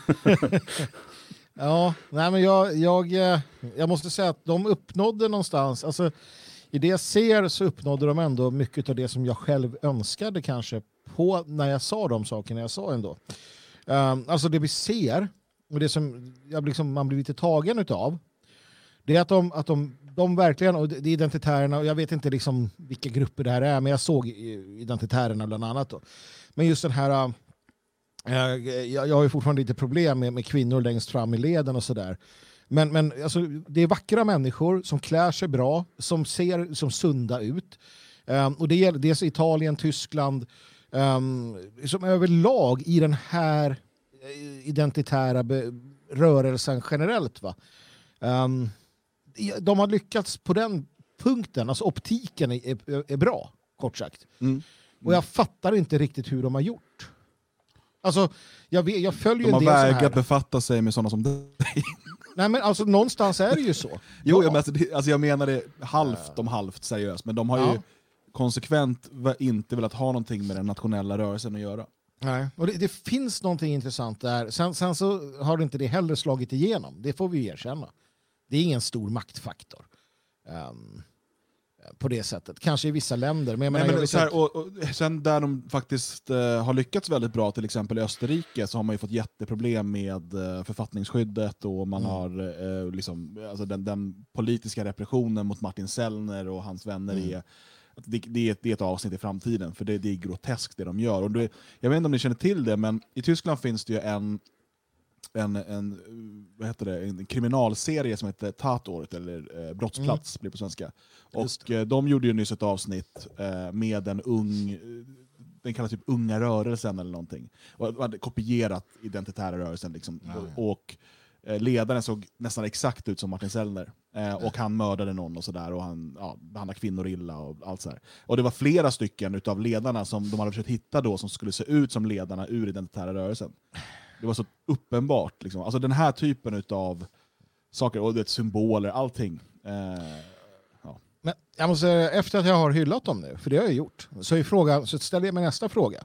Det här är vackra människor, de, de, eh, de, de gör liksom Gud vad du är inne på att de är vackra, bra. Ja men det är viktigt. Jag, jag, försöker, jag försöker också få in den aspekten. Eh, för att vår rörelse kanske inte, när man var yngre och sådär, det kanske inte alltid var en vacker rörelse. Jag och Björn var vackra. Mm, precis. Uh, det kanske inte var det som stod högst i kurs, uh, återigen. Men det, det här är fjolliga Västeuropa. Så tänker jag på Polen, jag tänker på uh, länderna österut, där liksom blood and honor är de som är de. Det är de som är politikerna. De som ser ut som gamla skinnskallar, stora som hus, spöar folk och deras, eh, deras eh, propagandavideos är att åka tunnelbana och typ vara huligan. Och de är också de som är i parlamenten till del. Eh, det, det, är så här, det är ganska intressant. eh, för att i fjolliga väst då ska det vara halvtaniga, så här, Åh, titta vi har bengaler. Och, och det är ändå sådär intressant. Men i öst då är det så här, ja men vi slår huvudet av dig. För det gör vi på kompisen, för han håller på ett annat lag också. Och vi sitter i parlamentet, så vad vill ni? Jag vet liksom inte, jag gillar ju det också. Ja. Så vad vill du komma? Att det är en svår fråga. Eh, och man måste nog hitta eh, och gräva där man står för att veta vad som gäller i det land man bor. Ja. Vi kan ju se lite mer eh, från öst här i den här videon ehm, som jag visar upp här. Det, Hoppas det det är, är Fader lite Frost. annan... Är det Fader Frost? Ja. Det är lite annan estetik än hos identitärerna, eh, men den är, den är liksom tilltalande på sitt sätt. Eh, jag Ja, förstår absolut. nu att för er som lyssnar på podcastversionen så går mycket förlorat, men eh, ni får faktiskt kolla på videoversionen då, för ibland måste vi kunna göra så här. Eh, Ja. vi får liksom berätta, det var någon häst och en gubbe och nu Det är dricker en massa folk som super och beter sig illa. Precis, Kan- det är det här, här är de ju stenhårda på det, utan det är Ja, ju vi kan träning. spola fram lite till... Ja. Det, är- alltså, det är, de här är ju då extremt mot alkohol, droger och allt sånt där. Den här är det träning, slagsmål ehm, och politik och rit, ritualistik eh, och sådär som gäller. Ehm, Men vadå, sitter de här människorna i parlamentet som står och ritar på sig? inte de där just, men, men om man tittar i de olika länderna där vi har representation så är det ju i, i vissa fall Ja, men han som sitter där och är någon ministerns högra hand, han är huligan också eh, för det här laget där de har runor varje match. Och Men det sådär. vet vi ju från Balkanländer och annat i, Europaparlamentet, våra kamrater. Eh, där det sitter, ja, men det sitter ju någon med, med, någon, någon liksom med, med fin konstigt. titel och sådär. Och alla hans assistenter är ju liksom, de är ju typ hitmen. Liksom. Ja, precis. Det Fantastiskt. det är, ju, det är ju inte bara de nationella i de här länderna. Ju. Det är ju likadant, vänstern är ju också Ja, så är det säkert. eh, ganska bra våldskapital eh, bland politiker. Frågan är vart är vi i det här? Ja, det är, Alltså har du bytt ämne? Jag måste bara fråga. Har Ja, du- jag har bytt ämne fullständigt. Det var för att jag såg de här vackra människorna. Så det här är ditt ämne idag? Eller har du... Nej, men jag skulle Nej. inte, det var inte mitt ämne som var på tapeten. Den här filmen är också jäkligt häftig. Ja. Eh, Jag vet att Marcus stänger av den så att du Folin kan- tror jag känner de här. eh, Har väl haft en del kontakt med dem. Sak samma mina vänner. Eh, Är det mitt ämne Dan Eriksson? Ja, nu ska vi prata patriotism och Stefan Löfven, eh, landsfadern. Du vet när jag satte igång med det här, eller en gång i tiden när jag gick med i eh, Svenska motståndsrörelsen för många, många, många år sedan. Då kallade vi oss alltså patrioter. I den första folktribunen så var det patriot som var ordet. Eh, och för att skilja oss från övriga nationella så brukade vi använda ordet patriot om oss själva. Um, jag vet inte varför det slutades med. Uh, lite sorgligt för att jag gillar ändå själva begreppet på något sätt. Och det Men där ska vi patriotism- verkligen diskutera om en stund, huruvida det är ett bra begrepp eller inte. Ja, för jag håller Nej, inte med. det- inte Nej, heller. patriotism brukar ju hänsyfta till eh, en nationalstat. Eh, alltså i, i Frankrike, Macron är patriot liksom. Så att jag förstår problematiken. Eh, men det jag har noterat och det som jag tycker är viktigt att ta upp är ju just det här, Björn var inne på det med arbetarrörelsen och liknande, om vi tittar då på Stefan Löfven och hur han har skamlöst blivit patriot eh, slash lite nationell eh, på senare tid. Och det är eh, häpnadsväckande att se. Men här måste alla yngre och äldre för den delen förstå socialdemokratin, vänstern generellt sett och deras fullständiga, eh, fullständiga liksom, de gör bara det som behövs för att, att ha makten. Och under de här eh, under de här corona-rättegångarna tänkte jag säga, inte ännu men corona eh, presskonferenserna. Så var det ju då svenska flaggan i fond, varenda minister, bort med alla partimärken, bara svenska flaggor eh, i, i, eh, på kavajen och så vidare och så vidare och så vidare. Och till och med då första majtalet, hör och häpna, så går man tillbaka till en tradition som kanske, jag inte vet jag, Per Albin, eh, så 30-40-tal, då var det svenska flaggor i eh, så, så vänsterns led. Eh, jag vet inte när man slutade Nej, men det var ju inte man. bara svenska flaggor. Nej, nej. Ju- röda, ju- röda fanor såklart och sosseflaggor. Svenska flaggor också. Men i princip efter, efter någon gång, jag vet inte när, så slutade man med det. Det var ju bara röda fanor. Och, som vi såg på filmen som, som Dan visade tidigare, gambiska flaggor och eh, turkiska flaggor och vad du nu vill. va? Sabbe är din grej nu om jag säger att det brukar ofta vara en svensk flagga i början. Ja, en i, i jag vet, en eh, längst fram, i alla fall när sossarna går, men inte kanske när övriga eh, andra går. Nej. Men det är ju inte en tonvikt på svenska flaggor på det sättet som vi har sett de senaste veckorna, månaderna. Då de svenska flaggorna är överallt när Löfven och hans gäng visar upp sig. Det är så mycket svenska flaggor så att eh, Lena Melin på Aftonbladet, hon vet ju inte vad hon ska ta sig till. Ehm, och, och, och tycker att det är groteskt mycket flaggor. Det får det vara nog någon gång. Hon sa det att till och med kungen när han fyllde år och var ute på Stenhamra slott, han hade inga flaggor. Det gick alldeles utmärkt. Va? Så nu får det vara slut på flaggorna.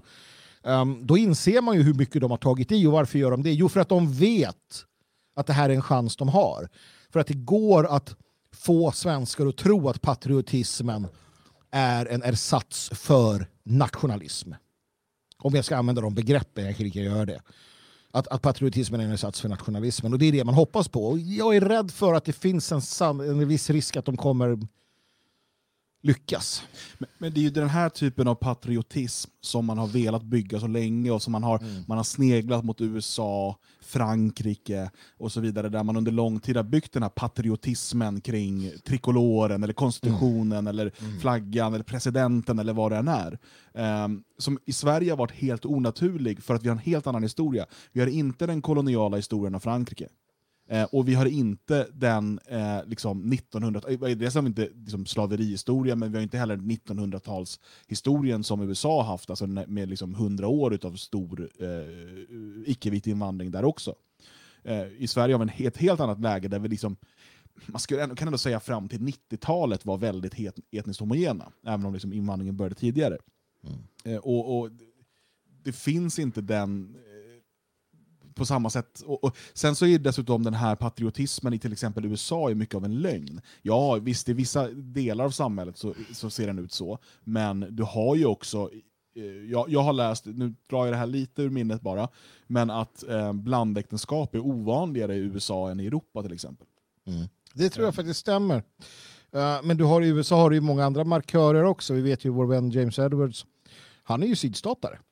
Mm. Alltså, han är ju mer sydstatare än han är eh, amerikan. Liksom, vadå amerikan? Och det, det gäller ju andra också. Är du, är du mormon uppe i Utah, då, är ju, du, då är det ju liksom... Det, det är väldigt, väldigt speciellt. Eh, så visst, eh, så, men det här med patriotism, det, det kan man ju... Om vi tar vår definition av det, vi, vi struntar i vad ordboken säger, men vi, för att vi måste kunna ställa dem mot varandra. Det är ju någonting som man har i Rom. Liksom. Av en samling under kejsaren och hans örn. Uh, så de germanska stammarna ska samlas, eh, de afrikanska, nordafrikanska, alla ska in under det här uh, påtvingade liksom, imperiet som byggs. Um, och det är makten och, och lite det här Men, men, med... men en skillnad du har, du kan ju också nämna så om liksom den, den tyska statsbildningen, tyska riket. Nej, det kan nej. Nej men vänta, för att, du har, för att det som då den gemensamma germanska stammar som talar germanska språk eh, och som ska enas i ett rike. Men där har du ju närstående, alltså väldigt närbesläktade stammar. Det finns ju vissa skillnader liksom, sådär, mellan Bayern och Sachsen och sådär, men det är väldigt, väldigt nära varandra. Eh, till skillnad då från att liksom importera, som i Sverige, då, 100 000 afghaner och 300 000 somalier och så vidare. Det är en helt annan fråga. Alltså, och, och att då försöka inlämna det här till att ja, men vi ska alla enas under värdegrunden och, och, och den blågula fanan. Det är, det, jag tror inte det låter sig göras med utlänningarna i någon större utsträckning. Nej. Däremot så är det nog många av svenskarna som är beredda att köpa med på den. Och, och svenskarna är, de är så himla hungriga och törstiga efter den här typen av patriotism. Man märker det ofta när man hamnar i diskussion, men de, ofta man hör från människor som kanske lutar åt Sverigedemokraterna, så här, men titta på USA! Där alla, alla sjunger nationalsången och alla älskar sin flagga. Och sin, Åh, det spelar ingen roll vilken hudfärg man har. Och så ser de det som någon typ av förebild. Så borde vi ha i Sverige! Om, fan, det ska ju stå Ugga Bugga och Sven Svensson bredvid varandra. Jag svär trohet till Stefan Löfven. Men det är ju för att de i grund och botten är, är alltså de, de förstår inte fundamentala sanningar om biologi och ras. Och det är där problemet kommer in. Samma sak i USA. Och, och, det är de här människorna som delar, eh, bara, titta här, en svart kvinna, Candice Owens vad hon heter va? Är Intelligent och, och rolig. Bara, Men kolla, hon, hon, hon är på Trumps sida, därför ska jag bara dela, nu ska jag bara dela svarta som röstar på Trump. Det är det enda jag ska ägna mig åt. Och det är ju samma personer som lyfter fram vartenda alibi de kan hitta.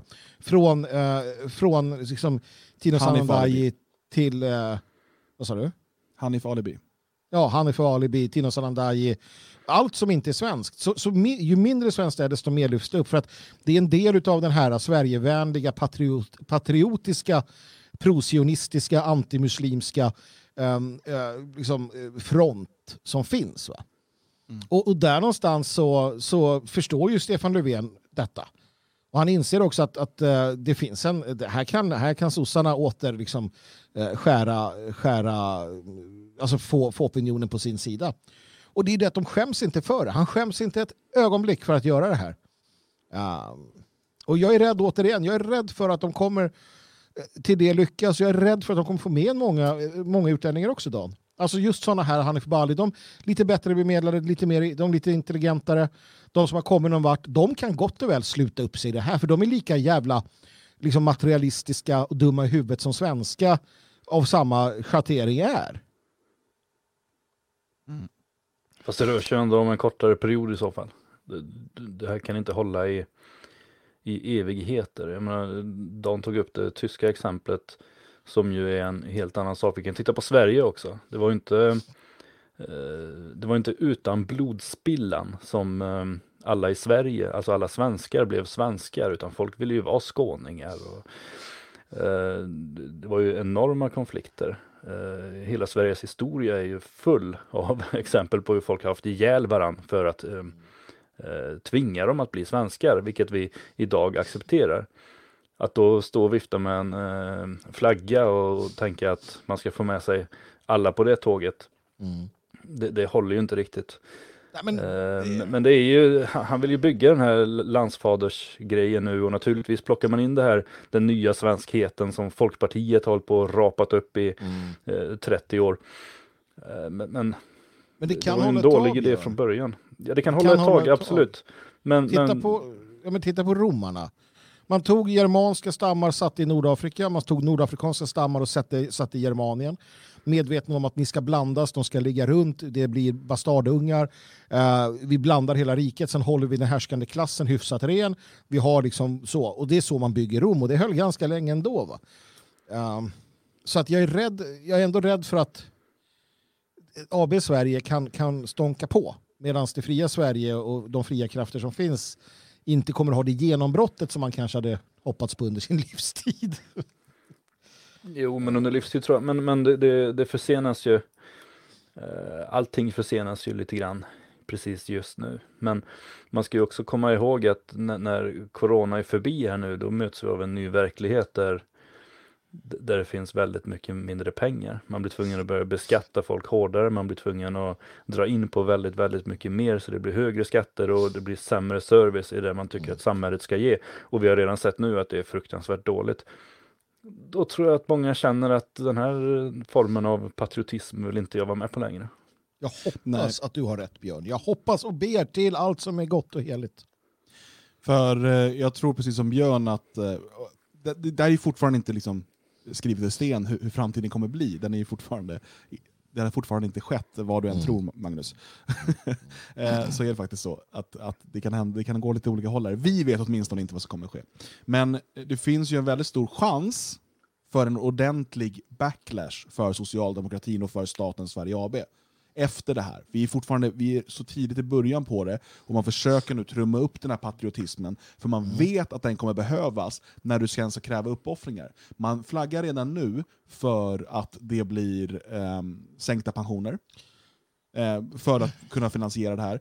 Och man kommer försöka på olika sätt att ja, men nu måste vi göra, vi tillsammans ta oss ur den här krisen och bla bla bla. Och så kommer man fortsätta stå framför eh, flaggorna och symbolerna och det, liksom, för att vet, det här handlar inte om parti, utan vi är ett starkt samhälle och, och, vi gör det här gemensamt och ingen ska lämnas efter. Och vi måste alla bidra till var och en efter behov av var och en efter förmåga, bla bla bla. Men, och, och, alltså, de har ju letat i åratal efter någonting som kan ena oss och de har ju pratat om Alltså det, det, ska vara humanistiska värderingar, det ska utgöra svenskhet och så vidare. Nu är det, verkar det vara någon tanke om att vi ska ha gått igenom det här tillsammans och det blir den nya tanken att enas kring. Men, men det är också helt värdelöst. Det är ingenting som håller, det är ingenting som kommer fungera i generationer, även om kanske judarna varit duktiga på att dra upp gamla grejer. Alltså, ja, för 6000 år sedan då, då hände det här så att därför är vi judar fortfarande lojala mot varandra. Men då måste man nog vara ett ganska långsint folk och det är inte svenskarna om, om det ska fungera på det sättet och, och, inte andra grupper heller. Så att, att vi ska springa runt i någon inbillad svenskhet tillsammans, det kommer aldrig gå. Utan så fort krisen drar igång på riktigt stort allvar så kommer alla rusa åt olika håll. Till att börja med kommer man se om sitt eget. Man kommer strunta i andra svenskar. Man kommer, eh, alltså libaneser kommer strunta i andra libaneser. De kommer ja. vilja skapa sitt eget. Men sen förhoppningsvis så börjar folk sluta upp med sin egen grupp. För det är de man känner, det är de man förstår. Ja, men jag tror att du måste ändå se sossarna kommer få ett uppsving nu, sen kommer de tappa. Uh, och det säger sig självt, det blir räfst Eh, efteråt. Liksom. Eh, att man håller ut med dem nu det är en annan sak. Men det de gör, de krattar manegen för SD, M och KD. Och det är det vi kommer få se som kommer kliva fram på tronen. Eh, och Sverigevännerna kommer ju bli våta av detta och de kommer få ett massivt det här är alltså ett, en av de exempel som kan ske. De kommer få ett massivt ehm, stöd. Uh, för helt plötsligt så, så, så har, och, och det är sossarna krattar manegen för detta genom sin patriotism här. Eh, och så tar de över och sen blir det den här krisen du pratar om då, allt vad det innebär. Eh, längre än så är det svårt att se, men där tror jag vi kan definitivt hamna. Och vi vet, vi vet att varje gång borgarna får någon form av makt så blir det etter värre. Då är det öppna gränser. Alltså det är inte, återigen, det är inte sossarna som har öppnat gränserna på vid gavel någon gång. Utan det är borgarna, det är moderater, centerpartister och så vidare. och så vidare och så vidare. Uh, väl värt att komma ihåg. Jag tror inte det blir någon större skillnad den här gången heller. De du har ju haft ha... olika typer av öppna gränser där kan man ju säga. Du har ju haft alltså den här asylinvandringen, eh, vi, vi, hade ju tidigt då från, från Chile eh, och, och, andra länder där det då var kamrater till partiet mm. som, som bereddes väg för invandring. Sen har du ju haft arbetskraftsinvandring innan det. Och sen har du Alltså, och, för, och, sen har du ju haft under de, de borgerliga styrena 91-94 och 2006-2014 så har du ju haft en invandring av en, en, en tjänsteklass egentligen. Alltså där man har velat ha in eh, billig arbetskraft. Eh, för ja, fast det har även varit enormt stor flyktinginvandring. Mm. Ja, eh, de, har lyckats, de har lyckats tajma det, man kan säga så här lite att när borgarna kommer till makten så blir det krig i världen. Mm. Ehm, men, men sossarna, det är inte så att de har liksom förutom det här, tycker jag, symboliska nästan 2015, eh, så, så är det inte så att de har stoppat invandringen. Du har haft facket nej, som liksom nej, har, det, har, har kämp, alltså varit emot, ja, ja. de har ju varit emot arbetskraftsinvandring eh, om inte arbetskraftsinvandrarna har kollektivavtal. Så ja, länge man har kollektivavtal och betalar liksom sin, sin, sitt tionde till, till, till facket eller till partiet så är det lugnt. Eh, men de är inte emot arbetskraftsinvandring per se, så länge den är, de, de får samma löner som svenskar. Nej, sen har ju sossarna släppt det fullständigt. Alltså, de är ute efter bidragstagarna. Det är ju deras nya röstvalboskap. Det vet de ju själva. För att som sagt, LO-kollektivet går till SD. Uh, och de inser ju det att det enda sättet för dem att, att, att, få röster i framtiden det är att lova en massa bidrag till utlänningar. Och ha så många utlänningar som möjligt och dumma liksom, andra. Jo, men sen samtidigt så Ingvar Carlsson drog ju lite grann i bromsen när, eh, mm. det kom alldeles för mycket och det, det skapade ju påskuppror och mm. grejer från Svenska kyrkan som tyckte att det var fruktansvärt att man inte släppte in alla som ville komma in. Mm. Eh, ett sånt, eh, det var naturligtvis inget stopp, men det var en minskning. Det har jag svårt att se att, till exempel Reinfeldt skulle ha gjort. Mm. Ja, det är sant. Men Björn, tror du fortfarande, som du sa en gång, att, att den nationella renässansen kanske dyker upp i något av de partier som redan finns? Det där är svårt. Ja, jo, men jag tror, jag, jag tror ju att den nationella renässansen dyker upp i samhället och därmed går in i partierna. Eh, att, att det så småningom kan bli naturligt att eh, det talas om våra frågor. Vilket lite grann har skett nu, men inte i, i den utsträckningen som jag önskar. Fortfarande är det väldigt osäkert. Eh, både moderater och kristdemokrater eh, kan ju lite grann ibland luta åt vårt håll, prata med, alltså, på vårt sätt att prata på. Men de har fortfarande ungdomsförbund som är för, helt för fri invandring. Och, eh, så att det är ju alldeles för tidigt. Men, men någonting åt det hållet skulle jag ju tro. Det betyder ju inte att vi andra ska luta oss tillbaka och vänta på det, utan det är ändå vi som skapar eh, den förändringen och det är vi som måste se till att sätta rätt ord på på vad som ska ske och vad som har skett.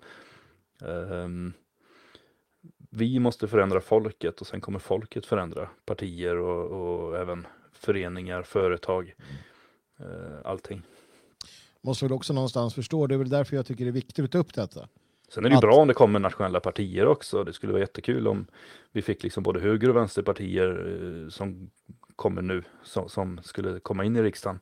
Mm. Men, men jag tror ändå att uh, i överskådlig framtid så är det de partierna vi har idag som kommer hänga kvar. Ja, och sen alltså partier överhuvudtaget kan ju också ha den här metapolitiska effekten eh, ja. som, som vi söker. Sen kan de också ha, jag skulle också säga att man kan också ha en, en, vad säger man, en, en, en negativ effekt. Eh, det tror jag, alltså Eh, på kort sikt. Men sen kanske det blir, för jag, jag ser som till exempel Sverigedemokraterna, att eh, jag tror väldigt mycket på det som Reinfeldt själv sa, att han öppnade gränserna ännu mer för att liksom visa att han inte var sverigedemokrat. Mm. Sen blev det där en backlash, så att med tiden så liksom löser det där sig. Men eh, alltså just att man då, för att vi, typ, att ja, men vi är absolut inte som de där. Så det ska vi visa genom att göra tvärtom. Även om det inte riktigt är det vi tror på, så är det liksom viktigt att visa. Eh, Mm. Så, men generellt sett, alltså absolut, eh, partier eh, som gör ett bra arbete kommer ha en bra metapolitisk effekt. Så är det. Men eh, vi pratade ju om det där tidigare, du och jag, Dan, angående corona också. Det här jobbiga att inse att politiker faktiskt är människor. Jag tycker det är värt att ta till sig. För det är så här, men inte kan väl Reinfeldt gjort det där för att han var sur? Jo, precis så. Precis så. Han var sur och grinig på svenska folket för att de inte eh, liksom så och rösta SD och SD, SD, SD. Då bara, ah, men då ska de få, de jävlarna. Alltså det finns där. Och det, det är återigen, det är små människor. Ja, men det är inte, hur hade man själv agerat? Eh, om man tittar på det, så man, ja, man blir ju sur och förbannad och nyper till någon jävel om, om det går liksom, oförtjänt ibland kanske till och med. De är inte bättre eller sämre, de, de är snarare sämre än vad vanligt folk är. Va? Jag tror det är väl värt att komma ihåg det.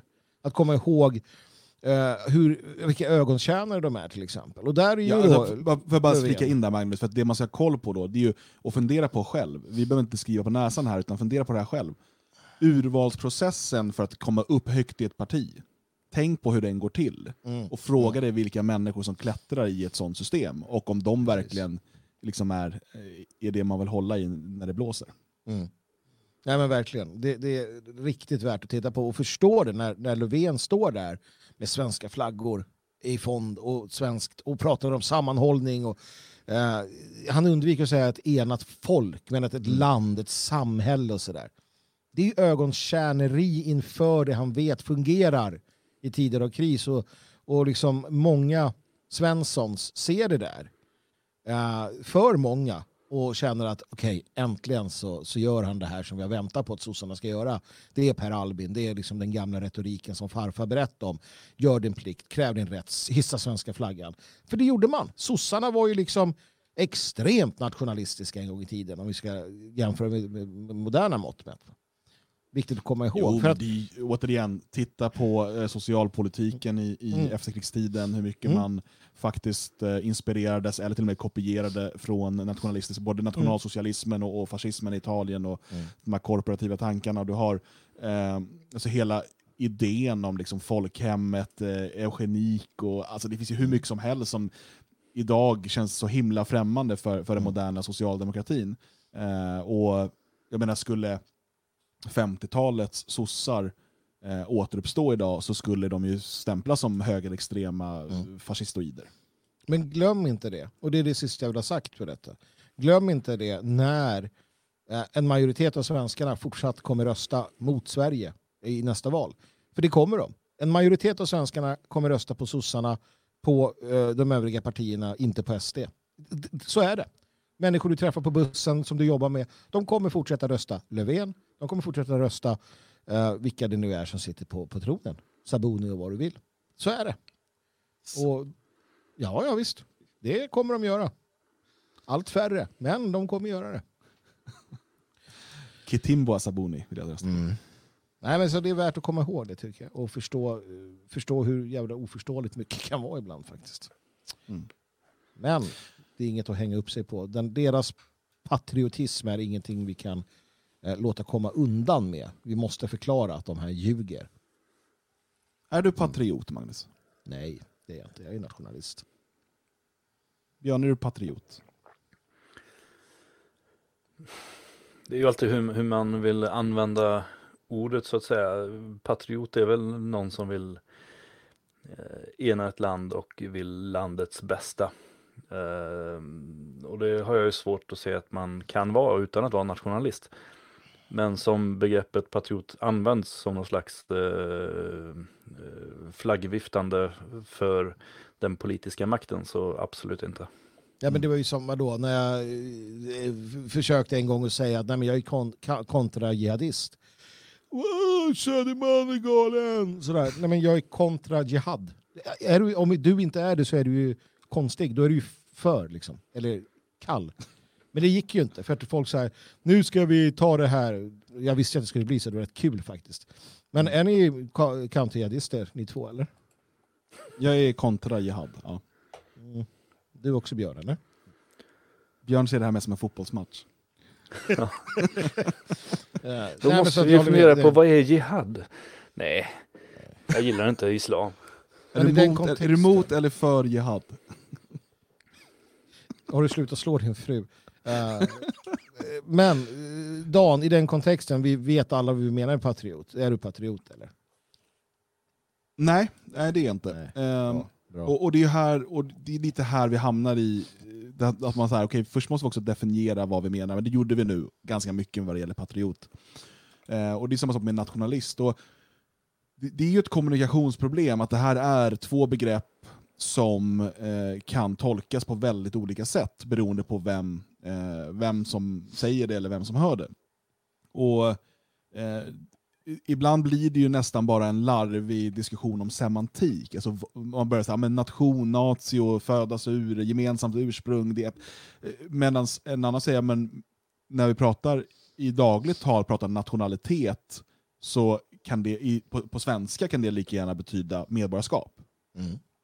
Ehm, så att det blir väldigt eh, konstigt. Men när, när jag talar om nationalism så talar jag det utifrån nation, alltså folk, eh, vår gemensamma, vårt gemensamma ursprung, etnicitet, folk. Alltså eh, natio. Det är Ras. där jag, när jag talar nazi. Eh, det är när jag talar nationalism.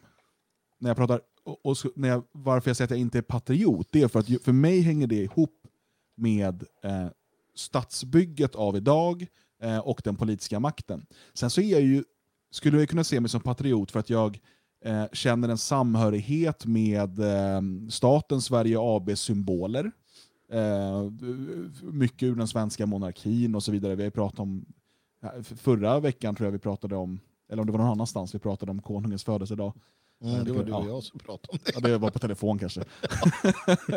eh, spelades inte in tror jag. Det, det är så sällan vi pratar med varandra utan att det spelas in. Nej, det är ju det. Ehm, nej men, och, och, så att, och, det är ju en del utav min identitet. Samtidigt så har också min nationalism utvecklats eh, under de här 20 åren som jag har varit engagerad nationalist eh, till att vara någonting helt annat än vad den var när den började. Det- Visst, det finns en grund som är kvar. Men man kan också se, och den, den som har studerat vad vi gjorde när vi, när vi lanserade Fria Sverige, var ju att vi också tog ett nytt steg i en nationalistisk riktning. Genom, när vi talar om att eh, ja, vi måste inse att vi kan inte rädda alla, eh, och vi kan inte hålla på att dunka vårt huvud i väggen och försöka övertyga liksom, politiska motståndare om liksom, nationalism och prata om problemen med att svenskarna vet inte ens att de är svenskar. Eh, och försöka få dem att att liksom enas i en svensk nationalism när de inte ens vet vad, vad det innebär att vara svensk. Det är, det är ett stort problem. Så med det fria Sverige så ville vi bygga en gemenskap i det här kaotiska samhället kring nationalism, kring vår gemensamma identitet, men också här faktiskt mejsla ut, inte en ny identitet, men, men en, ska man säga, eh, liksom en riktning för svensk identitet och svensk nationalism eh, som är oavhängig av Sverige AB. Alltså den svenska identiteten för den som är patriot för Sverige AB om hundra år kan mycket väl vara, jag hoppas inte det, men den kan mycket väl vara det här flaggviftande, gemensamma värdegrund, eh, ras spelar ingen roll-tänket. Eh, för det är dit man försöker få det hela tiden och har gjort under lång tid. Medan nationalisterna i det fria Sverige har gått ett annat håll och byggt en, en, en identitet och en gemenskap på en svensk grund, men som har tagit en annan väg. Och det är, vi är tillbaka vid det här vägvalet som, som Björns bok eh, så fint visade på sin, eh, på sin eh, första sida. För att jag ser ingen jag ser liksom ingen anledning att klänga mig fast vid den här staten. För det, och det är en, som nästa del. Jag, jag ser eh, det här stadsbygget eh, och de här stora nationalstaterna eh, i liksom den, den globaliserade värld vi lever i idag, och vi kommer leva i under väldigt lång tid, fram tills att det liksom blir... Alltså det behövs en sån kris att eh, eh liksom elektricitet slutar fungera och så vidare. Vi kan inte flyga och så här, för att vi ska liksom prata om att vi inte längre har en globaliserad värld. Sen så kan vi vara mer eller mindre självförsörjande alla de sakerna, men vi kommer leva i en globaliserad värld. Och för människor kommer resa och röra på sig väldigt, väldigt mycket. Um, och alltså i alltså den här, de här stora nationalstaterna eh, är en skapelse i en annan tid. Eh, och det vi ser idag är ju då att, att eh, de här överstatliga byggena som, som EU och FN och så vidare får mer makt. Eh, och det kommer rop på världsregeringar och så vidare. Och jag tror tyvärr, innan det blir bättre så kommer det bli värre och vi kommer få se en mer flyttad politisk makt uppåt i maktpyramiden. Vi kommer få se hur eh, mer och mer av vår makt lämnas över till Bryssel eller det som tar över efter Bryssel. För EU kan mycket väl falla, men det gör inte att globaliseringen har, har fallit.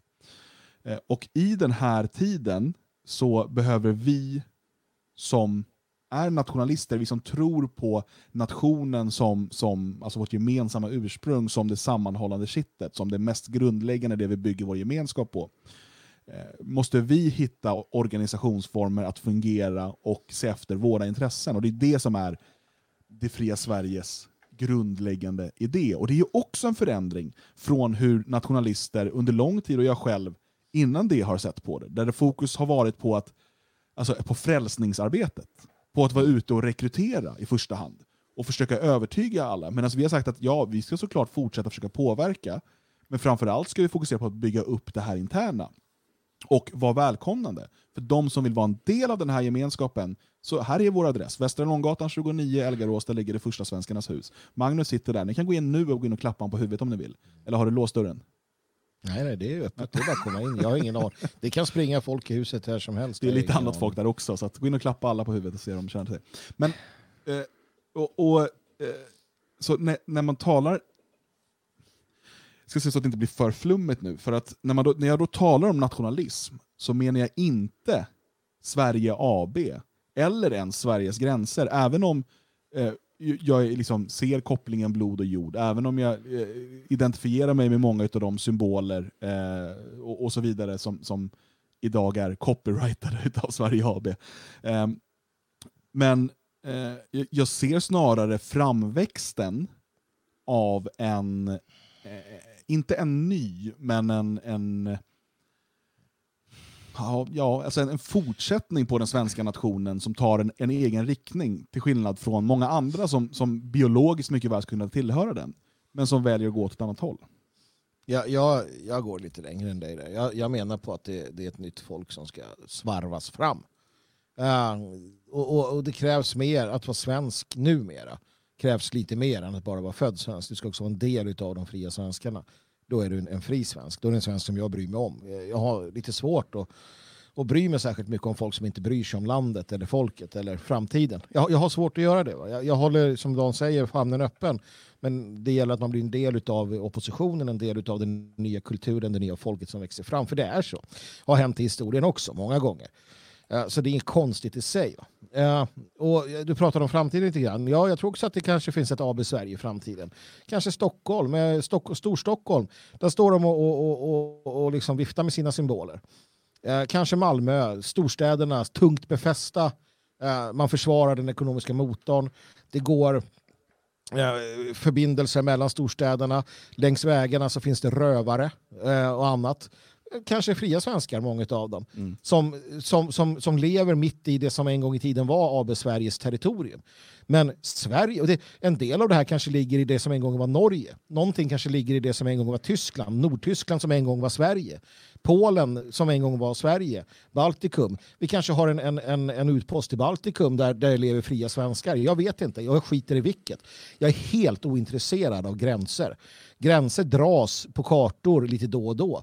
Jag menar, ryssen tog hela, i, princip tog de hela Norrland och hade under en period där jag är född och uppväxt, eller där min släkt kommer från, eh, ute i skärgården i, Gamla Roden, det var också ryskt territorium i princip.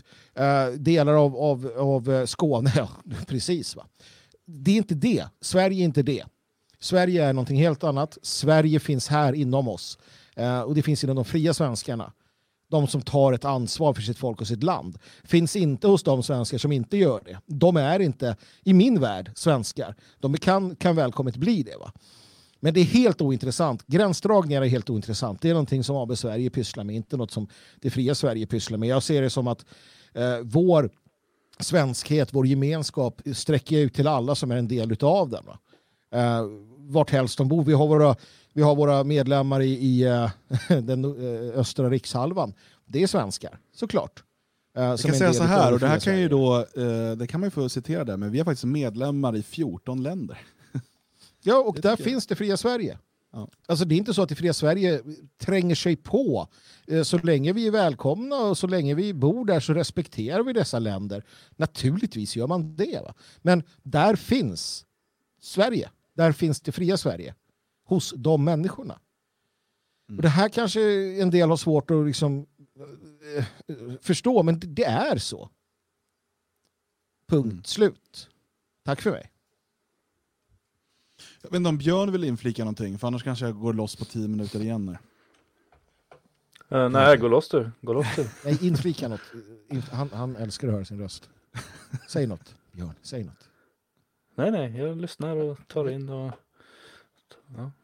Ja, men för att, eh, saken är ju den, och man måste konstatera det, att, att världen ser väldigt annorlunda ut idag. Eh, och Många nationalister inspireras ju av um, tänkare och rörelser på 1900-talets första hälft, vare sig de är tyska, italienska, rumänska, eller skandinaviska eller vad de är.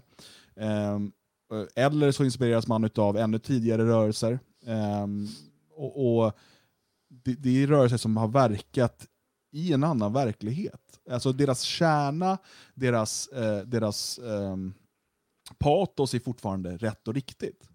Men, men det är ju fortfarande så, eller, men det är ändå så att Eh, samhället har förändrats så pass mycket att också våra eh, strategier och på hur vi ser på nationen måste förändras. Eh, och när jag säger att, att de, stora nationalstaternas tid är gårdagen, det betyder inte att jag är motståndare till nationalstaten. Vi har ingen nationalstat idag. Det jag menar är att de gamla nationalstaterna, alltså det Sverige AB, Förbundsrepubliken Tyskland och så vidare, de är inte nationalstater idag. De är, de är liksom maktstrukturer eh, som inte känner någon nation. Eh, sen att Sverige AB ockuperar svenskarnas eh, område, den, den jord som vi har liksom hävdvunnen rätt till, det, det må så vara och, och, och med tiden ska detta lösas. Eh, när och hur eh, får liksom framtiden utvisa.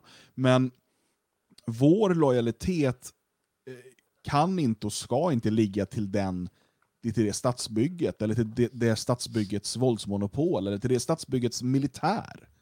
Alltså, det, det, det, är inte, det representerar inte oss som nation, det representerar någonting annat. Och, eh, utan vår lojalitet måste ju ligga till de eh, som vill vara en del av att bygga det fria Sverige. Och då menar jag inte det fria Sverige nödvändigtvis som förening, det heter samma sak här. Utan det fria Sverige som vi vill ska växa fram. Ehm, och Det fria Sverige är, och kommer under lång tid att vara, någonting som växer inom människor. Vi kommer inte ha makten eller möjligheten att, att liksom dra våra gränser och säga att det här territoriet är nu det fria Sverige. Ehm, vi kan leva och verka där och vi kan vara inflytelserika och vi kan till och med kanske ta politisk makt i vissa områden. Men det, det, är en, det är en annan sak. Däremot kommer det fria Sverige att leva inom tusentals fria svenskar runt om i de eh, länder som tidigare var våra. Precis. Eh, det, och det är viktigt att göra, göra det. Och jag menar, vi, vi, vi för samtal med europeiska nationalister som många tänker ganska, börjar tänka mer och mer lika. Det, det, det varierar lite. Det finns i, i vissa länder där historien ser lite annorlunda ut. där Man är väldigt fokuserad vid sin nation fortfarande på det gamla goda sättet. Va? Och det, det är inget... Eh, försök att prata om sånt här med vår, vår spanska vän till exempel. Och, och de olika delarna som finns där och problematiken. Det finns ju bara ett Spanien och alla andra snackar skit. Liksom. Uh, och det är Ja, eller i länder som har mindre eh, liksom, som är mindre diversifierade när det gäller Precis. massinvandringen, alltså som Ja. Polen och så vidare. Det, det, det, är en annan, det är en annan situation de befinner sig i. Absolut. Och det med Polens historia förstår man att man så här, snälla kan vi någon gång få vara hela längre än tio år? Snälla, låt oss liksom vara nu bara. Ehm, så att så är det ju. va? Men, men jag tror också att du har den, den eh, du måste ha de här olika nivåerna också på ditt tänk någonstans. Att du är, eh, du är fri svensk. Du, du är född till svensk rent etniskt. Rent rasligt. Ja, det här att åh vilken tur jag har som är svensk. Nej, du har inte tur. Du, du, du hade inte, är du svensk så hade du inte kunnat bli något annat. Det, är- det är omöjligt alltså. Helt omöjligt.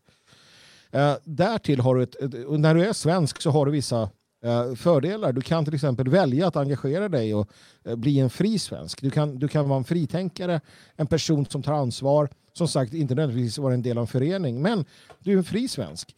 Då är du liksom eh, eh, eh, någonting, då är du en svensk på riktigt enligt mig i alla fall. va. Sen är du naturligtvis europé och du kan ta ansvar för det också. Uh, jag identifierar mig definitivt som europé.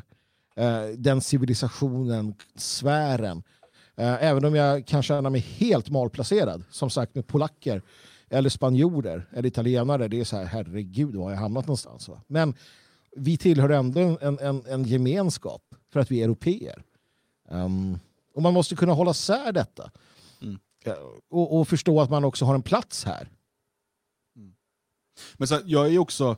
Eh, den, den nationalism som till viss del spirade i början på 1900-talet i Sverige eh, är också problematisk, eh, skulle jag vilja hävda. Alltså, så som den genomfördes. Så vi pratade om det här med att man, man ville utplåna de regionala skillnaderna, dialekter och, och så vidare. Eh, det, är inte, det är inte en nationalism som, som jag står för. Alltså den, den här viljan att likrikta alla eh, för att man då ska in... För, för, ja, där det har säkert skrivits miljoner eh, sidor om det här som, som kan förklara det på ett bra sätt, men, men jag ser här att man... Eh, det, blir nästa, det blir en typ av en typ av chauvinism inom det egna folket.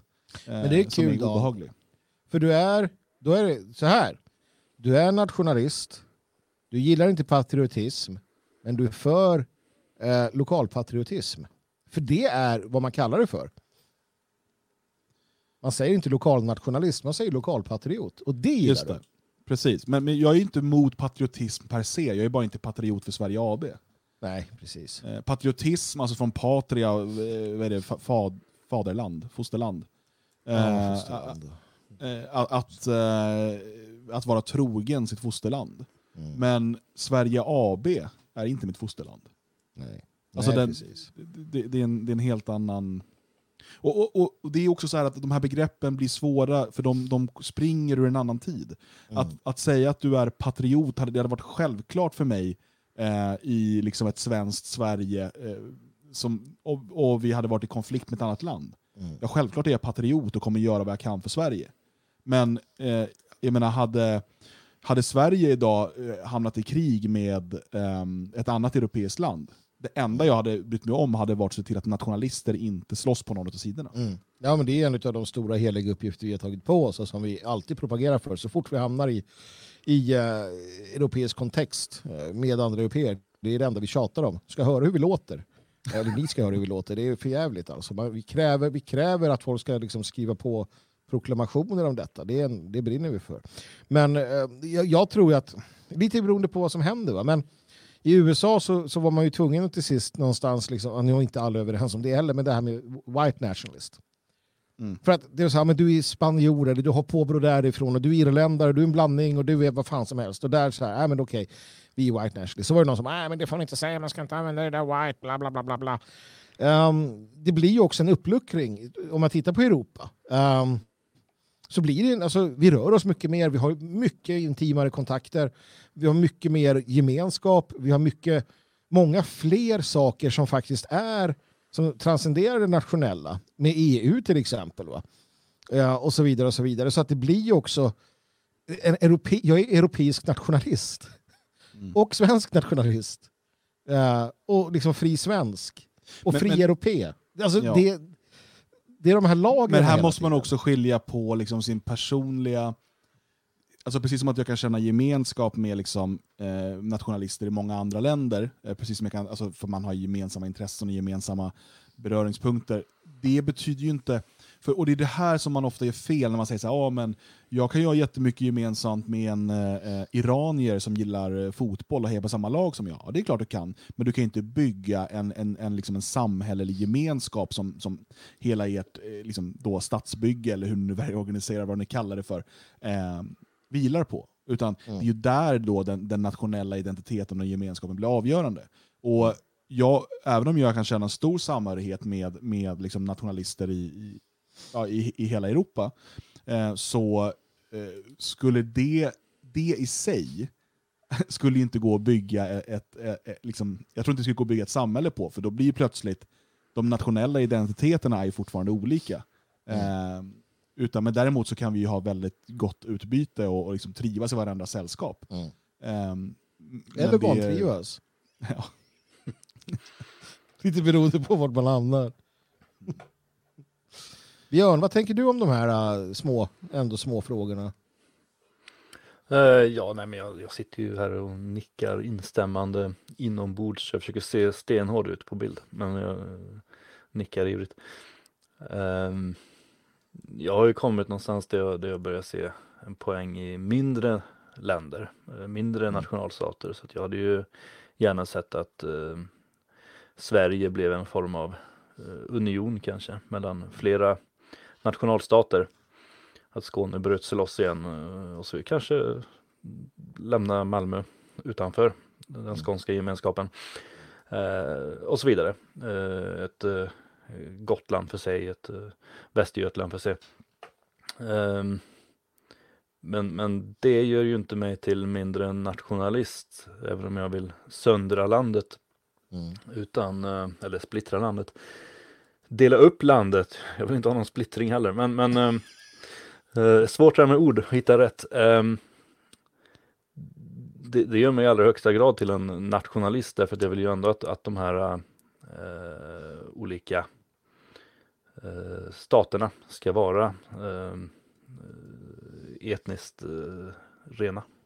Men då är min Men- fråga så här, bara slänga in den till er båda. Gör vi inte en Per Engdahl nu? Är det inte det vi sitter och håller på med? Är vi inte Engdalare allihopa? Vi gräver ner oss i, i teorier och eh, landet ska så här. Är det inte bättre att bara säga nej men okej, massinvandring, det är det enda, skitsamma, det blir som det blir. Finns det någon mening med att sitta och gaffla om det här när vi har hållit på en timme och pratat om ja, dela upp det och den och vem är vad? Varför, varför är det viktigt då? Ja men egentligen Egentligen så är det kanske inte det. Alltså egentligen så kanske det är lite strunt samma vad man, vad man gör. Ehm, oavsett om jag har väldigt högerinriktade åsikter så ser jag hellre ett vänsterextremt parti komma till makten om de har eh, en nationalistisk grundsyn därför att det skulle rädda så pass mycket och, och Nu menar du ekonomiskt vänster hoppas jag? Ja. Ehm, men, ehm, eh, Eh, eller likadant ett eh, väldigt, väldigt högerinriktat eh, parti som jag också skulle ha väldigt svårt för. Jag skulle opponera mig, jag skulle hålla på och bråka och tjafsa. Men jag ser ju mycket, mycket hellre det än ett eh, Sverigedemokraterna där alla kan bli svenskar och så vidare. Jag ser hellre ett eh, eh, ett nordiskt land, fast jag egentligen vill bryta ner det till mindre beståndsdelar, så länge det är etniskt homogent. Eh, jag- ser hellre att alla går runt i pyttestater på hundra medborgare i varje, fast jag tror att det skulle inte funka heller, så länge det, för att det, det viktigaste av allt är vårt folk. Sen lite grann hur man vill dela upp det och hur man vill göra. Det är kul att diskutera och det är viktigt att diskutera. Eh, men, men, men lite grann oavsett vilken väg det blir, så, så länge vi får vara svenskar så är det det viktigaste. Men, och det är här, vi var inne på identitärerna tidigare. Eh, det finns ju en del viktiga poänger de gör här och de eh, talar ju om, eh, det är inte deras begrepp från början, men det här de hundra flaggornas Europa och så vidare. Ehm, alltså, och även om jag inte tycker att vi behöver kanske, liksom, för, för det här hundra flaggornas Europa, det är en idé om att måla om Europas gränser efter hur typen de såg ut under medeltiden och sådär. Men jag förstår inspirationen, men bland identitärer så säger man att alltså, det är inte ens lojalitet till staten utan ens identitet som är det avgörande. Och den, den är ju oftast liksom regional eller till, till kan till och med vara lokal. Eh, och sen kan man ha en nationell identitet och så vidare. Men eh, och och här, där har de ju många viktiga poänger och, och som jag tror det har inspirerat mycket av den Alltså utav oss också, eh, undermedvetet genom att de här idéerna lyfts fram. Metapolitik återigen. Eh, och, och jag tycker att det är, är rätt och riktigt. Och det blir ännu viktigare och ännu mer rätt och riktigt i den här globaliserade tiden. Mm. Eh, för att, eh, och, och som, jag, som jag sa tidigare, jag, och det, det här är inte menat som eh, liksom defaitism eller svarta piller eller så, och säga det att världen kommer fortsätta vara globaliserad eh, för överskådlig framtid. Mm. Alltså, eh, det, det, det är saker, vissa saker måste vi bara konstatera att det är så här det är, det är de här korten som vi har tilldelats och nu måste vi spela med dem. Vi kan inte bara sitta och liksom, det borde inte ha varit så här. Nej, kanske inte. Nu är det så här och då måste vi utforma strategier för den verklighet vi lever i. Inte bli någon typ av lajvande eh, liksom, rörelse som, som låtsas att vi lever i en annan tid. Alltså, det kan man ju göra också. Man kan ju klä ut sig till vikingar och hålla vikingaspel och sådär för att det är kul. Men om man gör det som politisk idé, då, då, då kommer man ju inte komma någonstans helt enkelt. Men det, det, det, jag tycker man ska ta fasta på här också, det, är ju, det finns någon naturlig gång här. Uh, Björn var inne på det och sa det att eh, Per Engdahl, han var ju för EG, EU. Tyckte det var en jättebra idé. Jättemånga utav han och hans gelika runt om i Europa. Gamla nationalsocialister som hade legat på fronten, gamla falangister, alla möjliga. Helt för. Tyckte det var en fantastisk idé. Äntligen! Äntligen skulle de få se Europa enat, starkt, med udden mot bolsjevismen, med, med udden mot eh, kapitalismen i, i väst. Ett eget EU, en, en förenad, eh, ett förenat Europa. Många såg så. Um, och man kan tycka vad man vill om själva idén, men någonstans så förstår man den. Då hade Sovjet, eller ett sönderfallande Sovjet, du har liksom de här maktspelare, de här maktbaserna och Europa där mitt i. Ehm, det är ju också så att, att i, en, i den värld vi nu lever, skulle Europa splittras till, som Björn var inne på, som kan vara en mysig idé. Det är någon stadsstat här, det är en liten en region här. Pang säger det överkörda direkt utav eh, Ryssland eller utav Kina eller utav liksom, västmakterna. Pang, finns inte kvar. För det står hundra här och hundra där och någon dansar där och någon, ingen eh, ordning, ingenting. Vi lever fortfarande i det som, som, som eh, Spengler pratar om, de här eh, starka männen, starka ledarnas tid. Och vi ser det, Trump, vi ser det i Putin, vi ser det i Kina, den röda draken som vaknar till liv. Och här kanske det blir så, vare sig vi vill det eller inte, att EU, och det är därför EU pratar om sin armé, det är därför de, för de ser det här. De ser att vi har inte hunnit bli en maktspelare. Vi är fortfarande fasligt svaga. Så det finns en sån, om man inte köper idén om att allt bara är styrt och alla är bara överens och de, det här blir, det, det, är en plan som, utan man ser att det faktiskt finns ett, ett spel här, att det finns en, en, en, en riktig, eh, riktig konflikt. Då inser man ju också att, att de i Bryssel sitter och är oroliga som fan för de vet att en miljard kineser gör anspråk på världen. Eh, äger halva EU. Hej och hå, det här var inte bra va? Och så vidare och så vidare. Och jag tror att eh, man får en rikare uppfattning om sin omvärld och sin samtid och de politiska skeendena om man kan se det på det sättet. Eh, Trump, han kanske börjar fråga sig det här med America first. Vad slutar det någonstans? Jag, jag tappar är det så att vi tappar inflytande nu överallt? Kan vi bara dra oss tillbaka, sitta här i Nordamerika och bara, här är vi. Jag vet inte. Alltså det här är mycket spännande vågar jag hävda. Mycket spännande.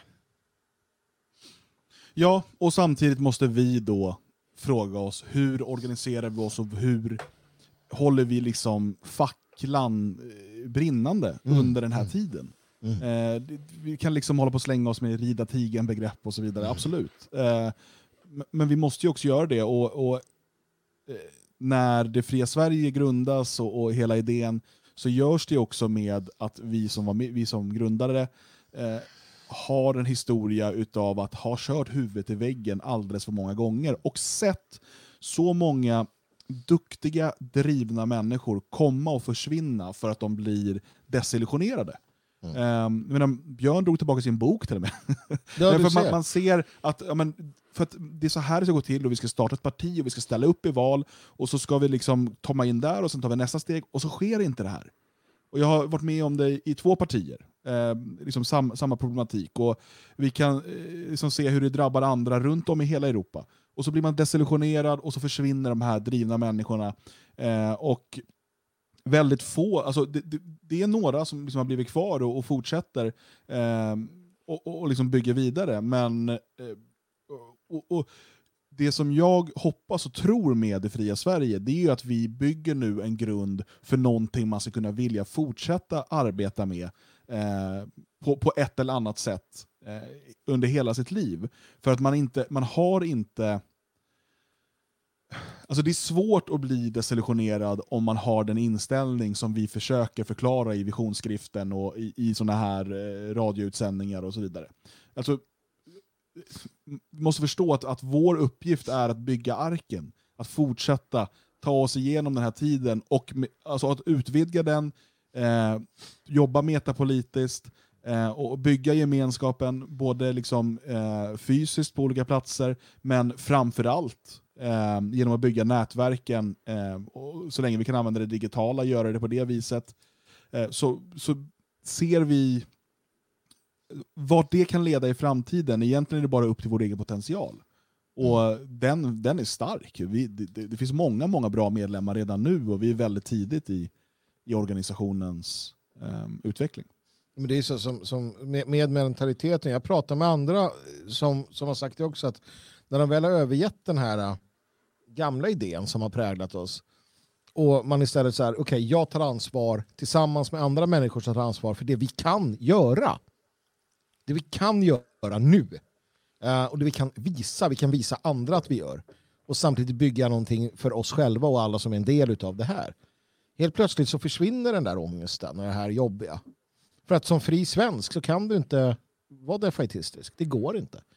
För att du har tagit kontrollen. Tillsammans med dina vänner. Visst, du kan bli defaitistisk om, om någon sviker dig. Uh, du, kan, du kan må dåligt om, om det inte går så bra som man hade tänkt sig. Alla tror mig, i dessa coronatider när vi inte kan använda huset som vi vill så känns det inte kul. För det, den, det är tomt och öde. Vi vill att det ska vara fyllt av liv. Men det är som det är. Va? Men man har en, en, en framtidstro som grundar sig på den egna kraften. Vi, vi säger som våra förfäder, vi tror på vår egen kraft. Vi tror på vår egen förmåga. Vi skyller inte på andra. Vi tar ansvar och vi sliter på. Vi gör det tillsammans med människor som är beredda att göra det. Resten, de får göra vad de vill. Många kommer till oss, många kommer inte komma till oss. Så. Mm. När du ändå nämner huset så känner jag att jag behöver eh, dela upp det här. Svenskarnas hus börjar med eh, lördagsöppet igen. Ja? Så är det. Så är det. Och kom ihåg att vi kommer stänga dörren om det är 50 eller fler. Eh, så från och med lördag så eh, är, är det öppet igen. Eh, det vill man ju inte missa. Eller hur? Va? Nej, nej, nej, det, nej, absolut Nej, inte. nej. Det ska man inte missa. Vi, alla tre kommer vara där. Ja, eh, vi skulle sända en timme sa vi. Eh, ja, men det har vi gjort. Det har vi sagt varje måndag. En timme kör vi idag. Men ingen Om, kan säga att vi inte har kört en timme. jag tänker att om man åker eh, i ljusets hastighet och sådär, man kan få det till en timme. Ja, man kan lyssna på det här i dubbelhastighet, det blir bara lite drygt en timme. Tänk när du berättade det, Dan, att, folk, att det finns de som gör det. Som lyssnar i hö högre hastighet ja, Ja. på poddar och sånt. Ja, ja. det är ett underligt beteende. Va? Jag brukar lyssna i halv hastighet, för det låter, allt låter mycket roligare. Alla låter fulla. Jaha, vad har, för, vad har vi fram emot i veckan då Björn? Vad händer? Eh, jag vet inte, jag måste bara säga först att uh, Blågul nazism del 3, titta på den, där är Per Engdahl med. Eh, det var, ehm, de gjorde någon, någon ny va- variant tillsammans med Levande historia där de även klippte in eh, andra program som eh, filmarna hade skapat. Eh, jag blandade ihop dem. Så uh, Blågul nazism 1, 2, 3. Ganska eh, okej faktiskt. Självklart så väljer de ju att visa vad de vill visa och ger väl inte en helt rättvis bild men ändå en, eh, en bild vilket är eh, värt att titta på alla tre delarna. I veckan, ja, jag ska väl släppa en fantastisk film tror jag. Eh, jag vet inte om eh, vad. Jag släppte två förra veckan, eller sen förra gången. Det var bra jobbat av mig, säger jag. Mm. Klappar mig på axeln.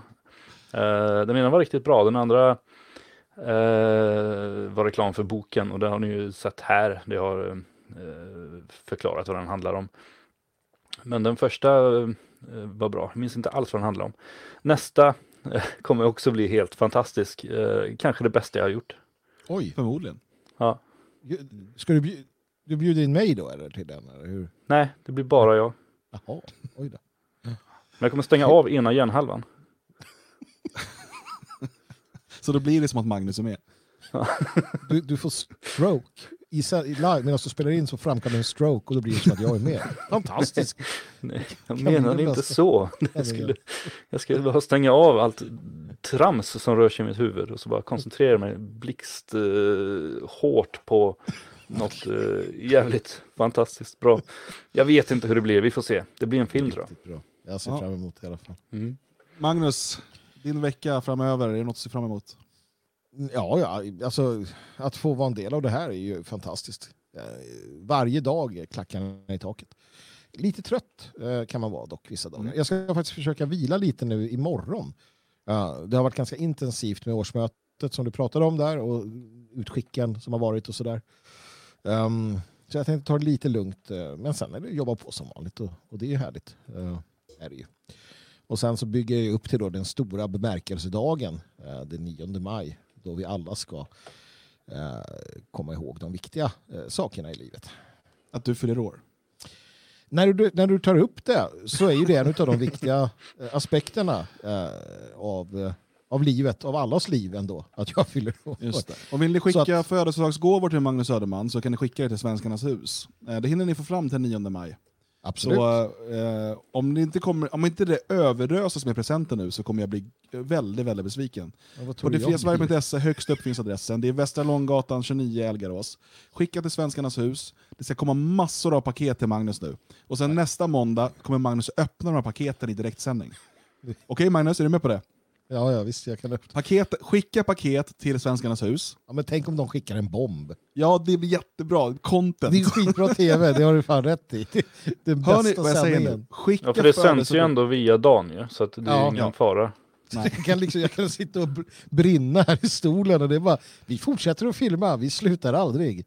Okej, men ni hör nu alltså. Eh, skicka till eh, Svenskarnas hus och skriv ATT, attention, Magnus Söderman så vi vet att det är till honom.